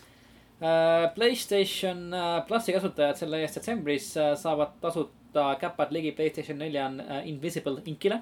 Äh, see on on eelmise aasta artikkel muuseas, on või? kaks tuhat kuusteist aasta oma, ma juba parandasin ära, Sten oli jaa, tegelikult me saame järgmine, järgmine kuu mängida Darksiders kaks Def- Definitive Editionit. jaa, ma ise nägin seda viga varem ja miks ma seda ära ei parandanud, aga vot ja tänud sulle, Margus, jaa, just täpselt. mm. -hmm. nii, aga jätkame. Game journalism. näeme siis Darksiders kahte, kus saab mängida surmana, olla üks äh, four, one of the four horsemen mm. -hmm. äh, ja mis on täiega lahe mäng, nagu kindlasti lahe. jaa, see on tõesti hea. see on täiega hea mäng. siis saab Kung Fu Panda Showdown of Legendary Legends, mille kohta ma ei tea mitte midagi. kuidas sa ei tea? okei, see on, see on fighting game, Vau. tähendab ta on brawler, kus saad nelja inimesega mängida. See me and Kung Fu Panda. põhimõtteliselt võta oma kaks õde, venda ja ema ja andke teineteist molli. mitte, mitte päriselus, vaid nagu. tehke nii, et nagu jah, las mängib pandaga, siis ütled, okei okay,, aeg välja surra. jah, siis PlayStation kolm saab Siberia Collection'i, Mhm. mis on, esimesed kaks mängu on päris head, kolmas ei ole nii hea. siis X-Plays Lost Memories, millest ma ei tea. Siis ta Forma kaheksa on PS Vita peal, mis on ka cross-buy PlayStation neljaga mm. -hmm. ning Wanted Corp, mis on ka PS Vitaga. lisaks sellele PlayStation plussi omanikud, kes omavad ka VR-i, saavad siis lisaks endale Until Dawn Rush of Blood'i. just uh,. vot nii, aga selline oli meie uudiste rubriik sel korral uh,. enne veel, kui läheneme lõpule, siis nagu mainitud uh, episoodi alguses tuleb meil ka Steni erirubriik uh,. Steni poolt maha jäetud küsimustega uh,, mida me siin peame lahendama, neid on täpselt kolm uh,. ning esimene küsimus on uh, selline et kas peale Star Wars Battlefront kahe ämbrit peaks Disney Star Warsi litsentsi mõnele muule mängustuudiole andma ja kui, siis kellele, mis me arvame? Margus, Hmm. see on tõesti hea küsimus. see on, see on tõesti hea küsimus. selles mõttes, et äh, Activisionil, korralik first person shooter. jaa, see on, see on nagu lihtsalt nagu loogiline, eks ju, et nagu mina ise mõtlesin äh, kohe esimene idee tuli mulle Red. välja, et kes teeb nagu häid äh, üksikmänge heade lugudega äh,. CD Projekt Red võiks teha Star Warsist mängu, kuid Star Warsi nagu mängule või üldse nagu kuskile nii-öelda viimise probleem on see, et sa oled alati väga-väga tugevalt kinni kaanonis yeah.. ja nagu alati Jah. sulle kirjutatakse ette põhimõtteliselt, mida sa võid ja ei või teha. ning CD Projekti mängud on siiamaani teinud just heaks nende loominguline vabadus mm. Mhm, jah. aga kas äh, Activision ei ole teinud juba Star Warsi asju, kas minu teada, kas Force Unleashed ei olnud Activisioni koostöös tehtud -hmm. mm,. oli ka, võib-olla, olla, Margus guugeldab. Teie küsimus? ma ei mäleta. Force Unleashed oli tegelikult, kui ta välja tuli, minu jaoks okei okay mäng, ma mängisin seda küll. ja, ja olin omal ajal sellest ai, see päris oli LucasArts, enne kui LucasArts aa, ära siis kui suri ta. oli veel olemas, jaa. vabalt mulle mulje. Lucas Arts oli asi kunagi. jaa, ja, ja THQ oli see on esimesega jah, tõesti hea küsimus. enne kui nemad ka ära surid. Star Wars on nagu selline selles surmakuulutaja mõttes, et Activision ongi normaalne, selles mõttes, et multiplayer'it oskavad Activision teha. selles mõttes, et Call of Duty Jaa. multiplayer nagu kõik inimesed ostavad seda ikkagi, kui sa vaatad, Call of Duty on ikkagi nagu alati üks kõige enim müüdud Mm. mänge üldse. iga aasta. selle koha pealt oleks ju Activision ja nagu EA või siis mis iganes Dice väga sarnased üksteisele. jah mm, -hmm. aga noh, lootbox'id Call of Duty's ei ole ka nagu mingisugune eriline teema, sest et nagu kosmeetik me, põhimõtteliselt. multiplayer mängis ma ei saanud üldse aru, et see kuidagi mõjutaks mind. ja üksikmängu kampaania Call of Duty's on ka selline sekundaarne asi, nad oskavad küll neid teha, eks ju, aga see ei ole põhiline. Aga noh, kui Star Warsi lugu tehes tõenäoliselt Jaa. neil on suur, neil on rõhk sellele, et nad teeksid parema loo. jaa, mina ütleks, et äh, võib-olla tuleks anda õigused tagasi BioWare'ile, sellepärast et BioWare on teinud minu äh, minu jaoks kaks parimat Star Warsi mängu äh,, Star Wars The Knights uh,, Knights of the Old Republic äh, üks ja Jah. kaks. Kotor. Jaa, just, aga- aa, see on see BioWare'i uus võimalus, et pärast Anthemit ennast tõestada, kui Jah, Anthem ka just. räigelt läbi kukub. Mhm. ja siis näidata, et me oleme, me oleme endiselt Mass Effect'i tasemel. me oskame kosmosemänge teha. Kot-, Kotorid olid head jah, ja nad ei, noh, Mass Effect'i ei tasu ka nagu täiesti tühjaks lüpsta, et, et Just. nagu võib midagi nagu vaheldust teha, mis on väga või noh, sarnases võtmes mm. mm. -hmm. ma arvan, et see on tegelikult jah, hea idee. aga see kõik sõltub, et millist mängu tahetakse teha. just. millisele, millisele inimestele üritatakse ma arvan, et kõige rohkem oleneb seal ikkagi Disneyst, et Disney peab olema valmis andma natukene loomingulist vabadust. et me näeme seda Disney nii-öelda kramplikkust ka uute Star Warsi filmide puhul minu arust oh,, et et need filmid on Väga vaimuvaesed. no uus eh, väidetav, et ei ole vaimuvaene, hästi põnev ja huvitav ja pole üldse Empire Strikes Backi nagu äh, rehash mm. mm,. treilete põhjal, nagu ta tundub olevat. no ma olen nagu, Väidetavalt. ma olen skeptiline veidi, episood seitse põhjal ma olen skeptiline. ei no ma olen täiesti veendunud, et pool filmi on selles, kuidas Raid õpetatakse välja, siis Luke sureb ära ühel hetkel ja siis lõpuks saab Ray teada ja karjub, et aa ah,, you are not my father ja siis lõpeb ära film. wow. ja. tegelikult seal on näha ka seda, et Kylo Ren talle käe annab põhimõtteliselt, et tule, tule, tule Jaa. dark side, et noh Jaa., jah, just. Ja siis ma ei tea, Snoke karjub, et I am your father ja siis me mingi pange lihtsalt Jah. põleme ennast. I am your grandfather, it's I- different now I. am somehow related to you. jah, we were cousins. I knew your father from work. äkki ja siis tuleb kolm, kuu-, viimane osa ja siis see on nagu deconstruction, et ahaa, tegime kõik täpselt samamoodi, aga siis lõpp on nagu mingi täiesti teistsugune. uh,. Steni teine küsimus, millisest superkangelaseks, superkangelasest peaks Rocksteadi järgmisena mängu tegema vahepeal olid jutud ju Supermanist, mm.? jah, aga see on nüüd ära kadunud. ja Batmanist ilmselt nad ei tee enam, Kevin Conroy andis mõista, et tal pole keegi midagi nad tegid rääkinud. Ninja Turtletest tegid ka, eks. Uh, Rocksteadi. ma olen alati mõelnud, et Rocksteadi oleks Aa. võinud teha mängu äh, ämblikmehest. ta on siukene liikuv äh,, liikuva võitlusstiiliga tegelane, kellega, kellele Rocksteadi selline võitlusstiil läheks jah, peale. samas nüüd see uus ämblikmehe mäng, Playstation nelja eksklusiiv, näeb, Insomniaci oma just näeb ka nagu, no see näeb hea välja, mulle see Mm. meeldib. nii et äh,, nii et jaa, kas, kas see peab just superkangelane olema muidugi? no siin on räägitud superkangelasest. okei okay,, väga väga konkreetne küsimus. no kangelane, Spawnist võiks teha, vaata Spawni film väidetavalt tuleb lõpuks pärast Mhm. mingit kahekümne, kahekümnendat aastat. ma arvan, et Deadpoolist võiks teha. Carnage'ist. jah, Venomist ja Carnage'ist, kuna Venom ja Carnage mõlemad pidid olema äh,, tähendab, Venom on niikuinii, aga Carnage pidi ka olema Venomi filmis. et siis võiks teha küll ja. no võikski nagu pahane mängida selles Jaa, mõttes, nagu see oleks ka täiega lahe. nagu lemmikpahad tegelased nagu Mhm. Carnage on täiega lahe Jaa. minu meelest nagu. alati multikas ka luge-, vaatasin neid siis Mhm. või komiksit lugesid ka, et komiksid need artistid alati nautisid nende joonistamist, nägid alati mingi väga fucked up välja. ja õudselt on selles mõttes. Mhm. ma, ma jään, ma jään just Deadpool, Deathstroke äkki ka tegelikult võiks Jaa. ka isegi sellest tegelased ma ei tea väga palju. mm.. Ta on Dead- nagu, ta on nagu Deadpool, aga ta võtab end tõsiselt. ja, ja, ja, ja tõsi jah, ja. tal on pulk. Deadpool väärib nagu head mängu, mul on siuke tunne lihtsalt. kuule, kuule, ei see jah Deadpooli tehtud. mäng oli Ei, tegelikult päris ei lahe sa ütled asju, Margus, aga sa ei mõtle neid tõsiselt. ma ei tea, mulle meeldis see. ma tänan sind su. panuse eest, Margus. mulle meeldis see, ma sain troofi selle eest, ma sain mingi mängu alguses kolm troofit lihtsalt selle eest, ma mängu tööle panin. jah, nagu, geniaalne. see on nagu jumala hea, ja noh. noh, see mäng tegelikult oli ju sama meta kui film, jah, aga lihtsalt mänguna oli ta väga ja mäng ise nagu oli pask, kombat oli pask, level disain oli pask. aga samas level disaini koha pealt seal olid kohad, kus nagu mõttemullid muutusid sul trepiks, et minna üle mingi reostatud vee. ja see ka, kus seal on mingi dialoog ja siis sa nagu tulistad ennast nagu päriselt dialoogi, et seda skip ida nagu. jah, see ja, oli päris ja, lahe. ja, siis on troofi, et kui sa suudad terve selle dialoogi ära kuulata, mis on mingi nelikümmend viis minutit pikk, et nagu ja. nii, aga mis me vastame, Margus, mis on su vastus? äh, Carnage ja Venom. Lauri ma ei tea, Deadpool või Spawn, ma arvan. mm,. Ragnar, kõik minu pakutud ma ei tea. aga ütle uuesti. ütle uuesti, sul on ka oma arvamus. aga ma ütlen Superman. okei okay.. Superman väärib lõpuks head mängu. Superman 64. häid filme pole ju tehtud enam. Fly through rings. oh? mina ütlen ka Deadpool, mina Moon ütlen Man. ka Deadpool. ning Steni viimane küsimus, kui sa saaksid unustada ükskõik millise mängu, et seda uuesti äh, esimest korda kogeda, siis mis mäng see oleks? uuesti kogeda nagu nullist. jaa ma ei tea, mingi Elder Scrolls Skyrim näiteks, ma ei tea. mm,, Skyrim. Ei olnud minu jaoks nii mm, Mm-mm. nii eriline. see oli suur. Öeldi minu mina ütleksin, minu jaoks on kaks võimalust, kas see on A, ei, tegelikult üks võimalus. Knack, Knack kaks. baby, on Oh! kaks tükki, Knack üks. täpselt, Knack topelkombo lihtsalt mm.. ei, tegelikult äh, BioShock, esimene BioShock.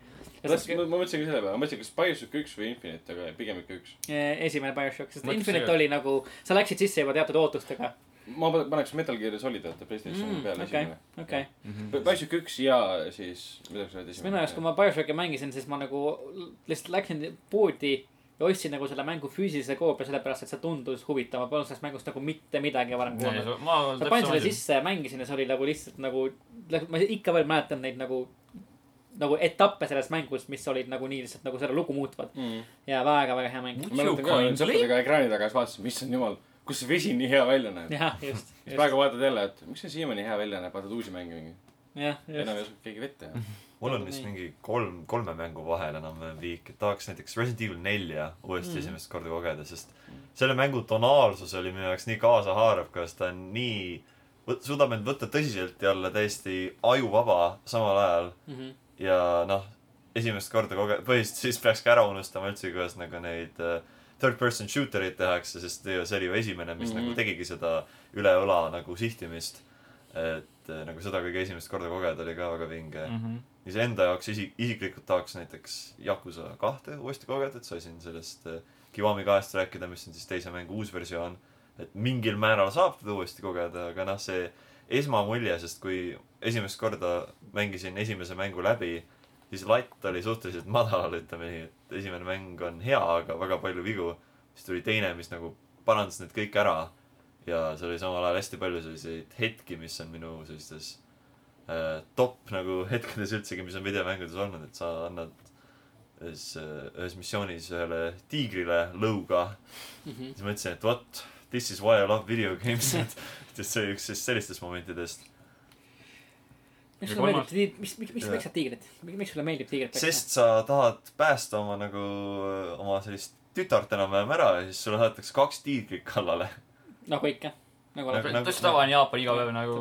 ma käisin ka Jaapanis nagu kogu aeg tiigrilamp tänaval, tiiger tuleb lihtsalt jälle, siis annab molli. Yakuusa lihtsalt tuleb mingi baasist välja, kütab molli. võtad rattatiiger, lendab mingi kaks plokki põhimõtteliselt, et noh, mõtled noh. ja kolmas. ja kolmas, vot äh, näiteks mõnda persona mängu tahaks näiteks uuesti ka Kolm, neli. nullist. Ma ta-, minul on isiklikult neli. nii. siis ongi just nagu, mul on, mul on sõbrad jälle. ja siis kaotan need sõbrad ära siis, kui mäng on läbi. tahaks seda masendust uuesti kogeda. ja mul on ka kolm mängu. Valkyria Chronicles triloogia, baby. sest Mm. esimest korda, kui ma kaks tuhat kaheksa aastal sain täiesti suvaliselt selle mängu niimoodi pimedat ostsin ja siis, kui ma hakkasin seda mängima, mõtlesin nagu täitsa pekkis, kui hea mäng see on ja nüüd ma siiamaani mõtlen, kui hea mäng see on. Mhm. aga jaa, et, et kogu see triloogia ära unustada, seepärast et need mängud on niimoodi noh, kuidagimoodi seotud. Sellepärast nagu noh, nad kõik need mängud räägivad vaata läbi, mis nagu eelmistes toimus, nii et see oleks nagu mõttetu, kui ma unustaks esimese ära ja siis mängiks nagu teist ja kolmandat, siis ma ikkagi saan aru, mis toimus vaata. et, et jaa, kindlasti Valkyria Chronicle. siis selge. siis mul on ka, et ma peaks terve Yakuza seeria põhiliselt ära unustama ka, et see ongi see ainult tärn. Ragnar, ma kaks juba ütlesin, et äh, BioShock, mis oli sama ja siis esimene Metal Gear, ma mõtlesin, mis see kolmas olla võib, aga. Doom. ei, ei. miks esimest korda, kui Go. uut Doomi mängida, see oli nii lahe minu meelest, oli see arvan, moll. et äh, ma võtaks kohe uutest, ma paneks lihtsalt, paneks kohe Hellblade'i, et tahaks seda uuesti Mm. mm. mängida, et ma ei tea sellest midagi. selge, selge, selge, selge. ah jaa, Devil May Cry kolm on tegelikult ka, ma arvaks seal listis. Mhm. esimest korda, kui sind mäng maatasa lööb ja siis nii hea looga kaasa Mm. haarab kohe. vot nii, hästi palju mänge. Ja lõppude lõpuks äh, läheneme ka episoodi päris, päris lõpule, jõuame vaba mikri juurde. ja räägime natuke muudest teemadest ka. alustame sellega, et äh, tuli välja üks uus treiler. nimelt siis äh, Avengers Infinity War'i esimese osa treiler tuli vahepeal välja. see on ammu väljas tegelikult juba, Nintendo's on ammu üleval olnud Comic-Conilt äh, lekkinud jah, just, jah see. oli filmitud kuskilt külje pealt, kuskilt pimedas, sa näed aa vist ma näen, see on vist Thor seal. just, aga nüüd ametlik äh, Marveli poolt välja lastud Jaa. lensflare'idega varustatud treiler on, kõik on, on olemas. olemas, kõik tegelased on olemas, kes on viimase, siis aastast kaks tuhat kaheksa või? Äh, seitse kahe kaheksa oli esimene. Iron Man jah. ja siis üheksateistkümnes film on see nüüd. ja, ja vist jah. hästi palju filme, hästi palju, kaks aastas nagu. jube lihtsalt, aga ei jah, treiler nägi välja nagu üks teine film, millest ma Margusele rääkisin, kus kangelased saavad kokku, et võidelda CGI-ga tehtud pahalasega. kuid vahe on selles, et üks neist filmidest on väga ja halb. teine film on siis Õiguse liiga, kus ka kangelased said kokku, et võidelda CGI pahalasega. see oli halb, ma kuulsin. ma ei ole seda näinud? ei ole näinud. aa, sa ei, sa ei kaota mitte midagi. jah, ära, ära vaata. just, ma olen kuulnud, ta et ta ei ole nagu kohutav rämps, aga ta ei ole nagu. kas see oli parem kui Batman versus Superman? ja, ja, aga ta pole ikka see, mis ta olla võiks. aga See- see- nagu- latt on suht madal. jaa, on küll jah, on küll jah. siin nägi Thanos nägi väga välja. jah, jah, Josh, Josh Brolin, jah.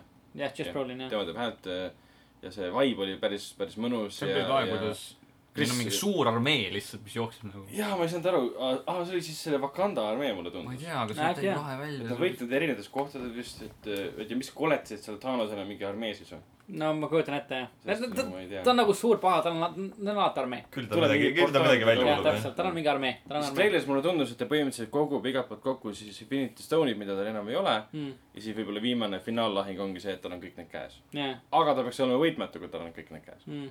Noh. sa nagu mõtleks ka nagu, kui sa vaatad nagu Thor Ragnaroki, siis mõtled Mm. nagu, kust nagu Hela saab oma nagu armee. Ja siis ta nagu teeb mingit lihtsalt lampi asja ja on okei, on asjad. seda varem ka näinud, et õi- õigusliigas samamoodi, kuidas see Steppenwolf saab oma armee, Mhm. lööb pahad maha, see, tema vastased maha ja need muutuvad tema nendeks. kuule, ma olen näinud videomängus Wow. Shadow of War. no Mm, mm,, kõlab tuttavalt. see kõlaks nagu, Rip-off. jaa, see tegelikult Shadow of War'i teemaline film oleks isegi päris äge too. aga see selleks. aga oluline on see, et äh, Black Widow on blond nüüd. jaa, ma mõtlesin, et Scarlett Johansson oli blond, ja nagu, what? ja, ja Captain Americal on habe, tohutu see suur. on ah, hea, ma arvan. ongi noh, ta tehti no shave, mehiseks no shave November. Captain America peab olema mehisuse nagu etalon. nojah, habe on mehisuse etalon ja. ämblikmees oli seal. seepärast mul habet ei. olegi. ja Ja Hulk oli ka. kui ma kujutan ette, et nagu ma ei tea, väga raske on Marvelil ületada Thor Ragnaroki, see oli nagu väga hea film. see oli tõsiselt hea film. ei no ilmselt ei kavatsegi, see ilmselt äh, väga palju komöödiat ja nalja seal jah, nagu ma ei kujutan ole. ette, jah. võib-olla enamus komöödiast tuleb ikkagi sellest, et äh, Robert Downey Jr ei saa äh, tegelastega läbi või noh, mitte tema ei saa läbi, vaid Tony Stark ei saa läbi. nii kaamera ees kui ka taga. jah, jah. ei meta., jah, just. et tundus, tundus tuus, et see on siis kakskümmend seitse aprill Eestis, USA-s alles neljas mai. ma lihtsalt nagu, lihtsalt nagu, siis tahaks olla lihtsalt Robert Downey Jr lihtsalt, see on lihtsalt nagu spoiliks ära mängid mingites ameeriklastele filmides. nagu poolmailu, siis sa lihtsalt Mhm. oled nagu kuskil nagu lihtsalt down low. tuled tagasi, teed ühe rolli, oled nagu lihtsalt nagu tagasi maailma, maailma parim vend ever lihtsalt, lihtsalt. näit-, näitlemisroll on lihtsalt nagu igapäevaelu enam. täpselt, sa lihtsalt mängid ennast põhimõtteliselt. Lähed, lähed sinna, ütled lihtsalt oma, lihtsalt A4 pealt mingi kaks rida ette enam-vähem, lihtsalt nagu showboy'sid. ja ta on vahepeal jõudnud vist mingi ainult paar filmi teha. ja, ja täpselt. mis ei ole nagu samas, miks ta peaks, vaata, palju ta palka saab selle eest. jah, aga samas ta tahtis mingi sellise tuntud Robert Duvaliga teha korraliku draamafilmi ka vahepeal, ja, ja. mis ei ole nagu CGI olend, et ta peaks minu arust see Sherlock Holmesi film oli ka päris lahe, mis ta oli. Äh, ja, ja mulle meeldis, see oli ka päris isegi teine meeldis, mida kõik hõikasid. aga kui me jätkame filmi teemal, siis äh, Ragnar on käinud Buffy vaatamas praegu, ka jah. Buffy filme ning äh, kiiresti, Ragnar, mis, mis on Buffy'l head, mis on Buffy'l äh, vaatamist väärt?? kolmanda detsembrini käib veel. Mhm. Minge aga mida mina olen vaadanud, on parimad äh,, olen mingi kakskümmend filmi ära vaadanud ja enamus neist on mingid kas meeletud igavad, meeletud jamad, midagi ei toimu kolm tundi, mingi, üks oli Hiina film, kus mitte midagi ei toimunud kolm tundi, süžee oli täpselt niimoodi, jagus viie minuti jaoks ja siis vaatad, vaatad, mõtled, issand, tagumik suri ära vist viiskümmend korda vahepeal. okei, aga arusaadav. head on näiteks Lõuna-Korea film Taksojuht. Mhm. see Okei. on nagu kindlasti üks parimaid Takso. väga tuntud Lõuna-Korea suurepärane näitleja on seal, hea režissöör. kaheksakümnendatel Lõuna-Koreas räägib, seal on Toomas Kretšmann mängib, Kretšmann mängib ka. Seal kõlab, kuuleb inglise keelt ka, et väga lõbu hea komöödia, aga mis areneb ühel hetkel väga tõsiseks draamaks, et okay. kui ta- mingit elamust tahate saada, seda vaatame. okei, jätame ja siis äh, Florida, Florida projekt on väga hea. kas see on mingi Nuclear Project, Manhattan Project? ei, ei, ei, ei, see on selle Sean Bakeri teine film, mis tal Ah. oli Mandariinide nimeline Mhm. film ühel, ühel PÖFFil, aga põhimõtteliselt nii-öelda vaeses perekonnas, kes elab siis Floridas Mhm. Nagu pealkiri viitab Mhm. aga hästi lahedalt üle võetud ja noh, peategelased on väiksed lapsed mis okei. hästi nunnu ja hästi, väga hästi töötab. ja alles hiljuti nägin Makedoonia ja Kreeka filmi Salajane koostisaine, ma ei mäleta, mis see inglise keeles oli, Secret Ingredient või midagi. Mhm. hästi äge komöödia, näitleja Reis oli ka kohal ka, et mingi kaks tundi vaatad näitlejat seal ekraanil, mida iganes tegema, siis pärast läheb sul mööda mingi, vau, hoopis teine tunne.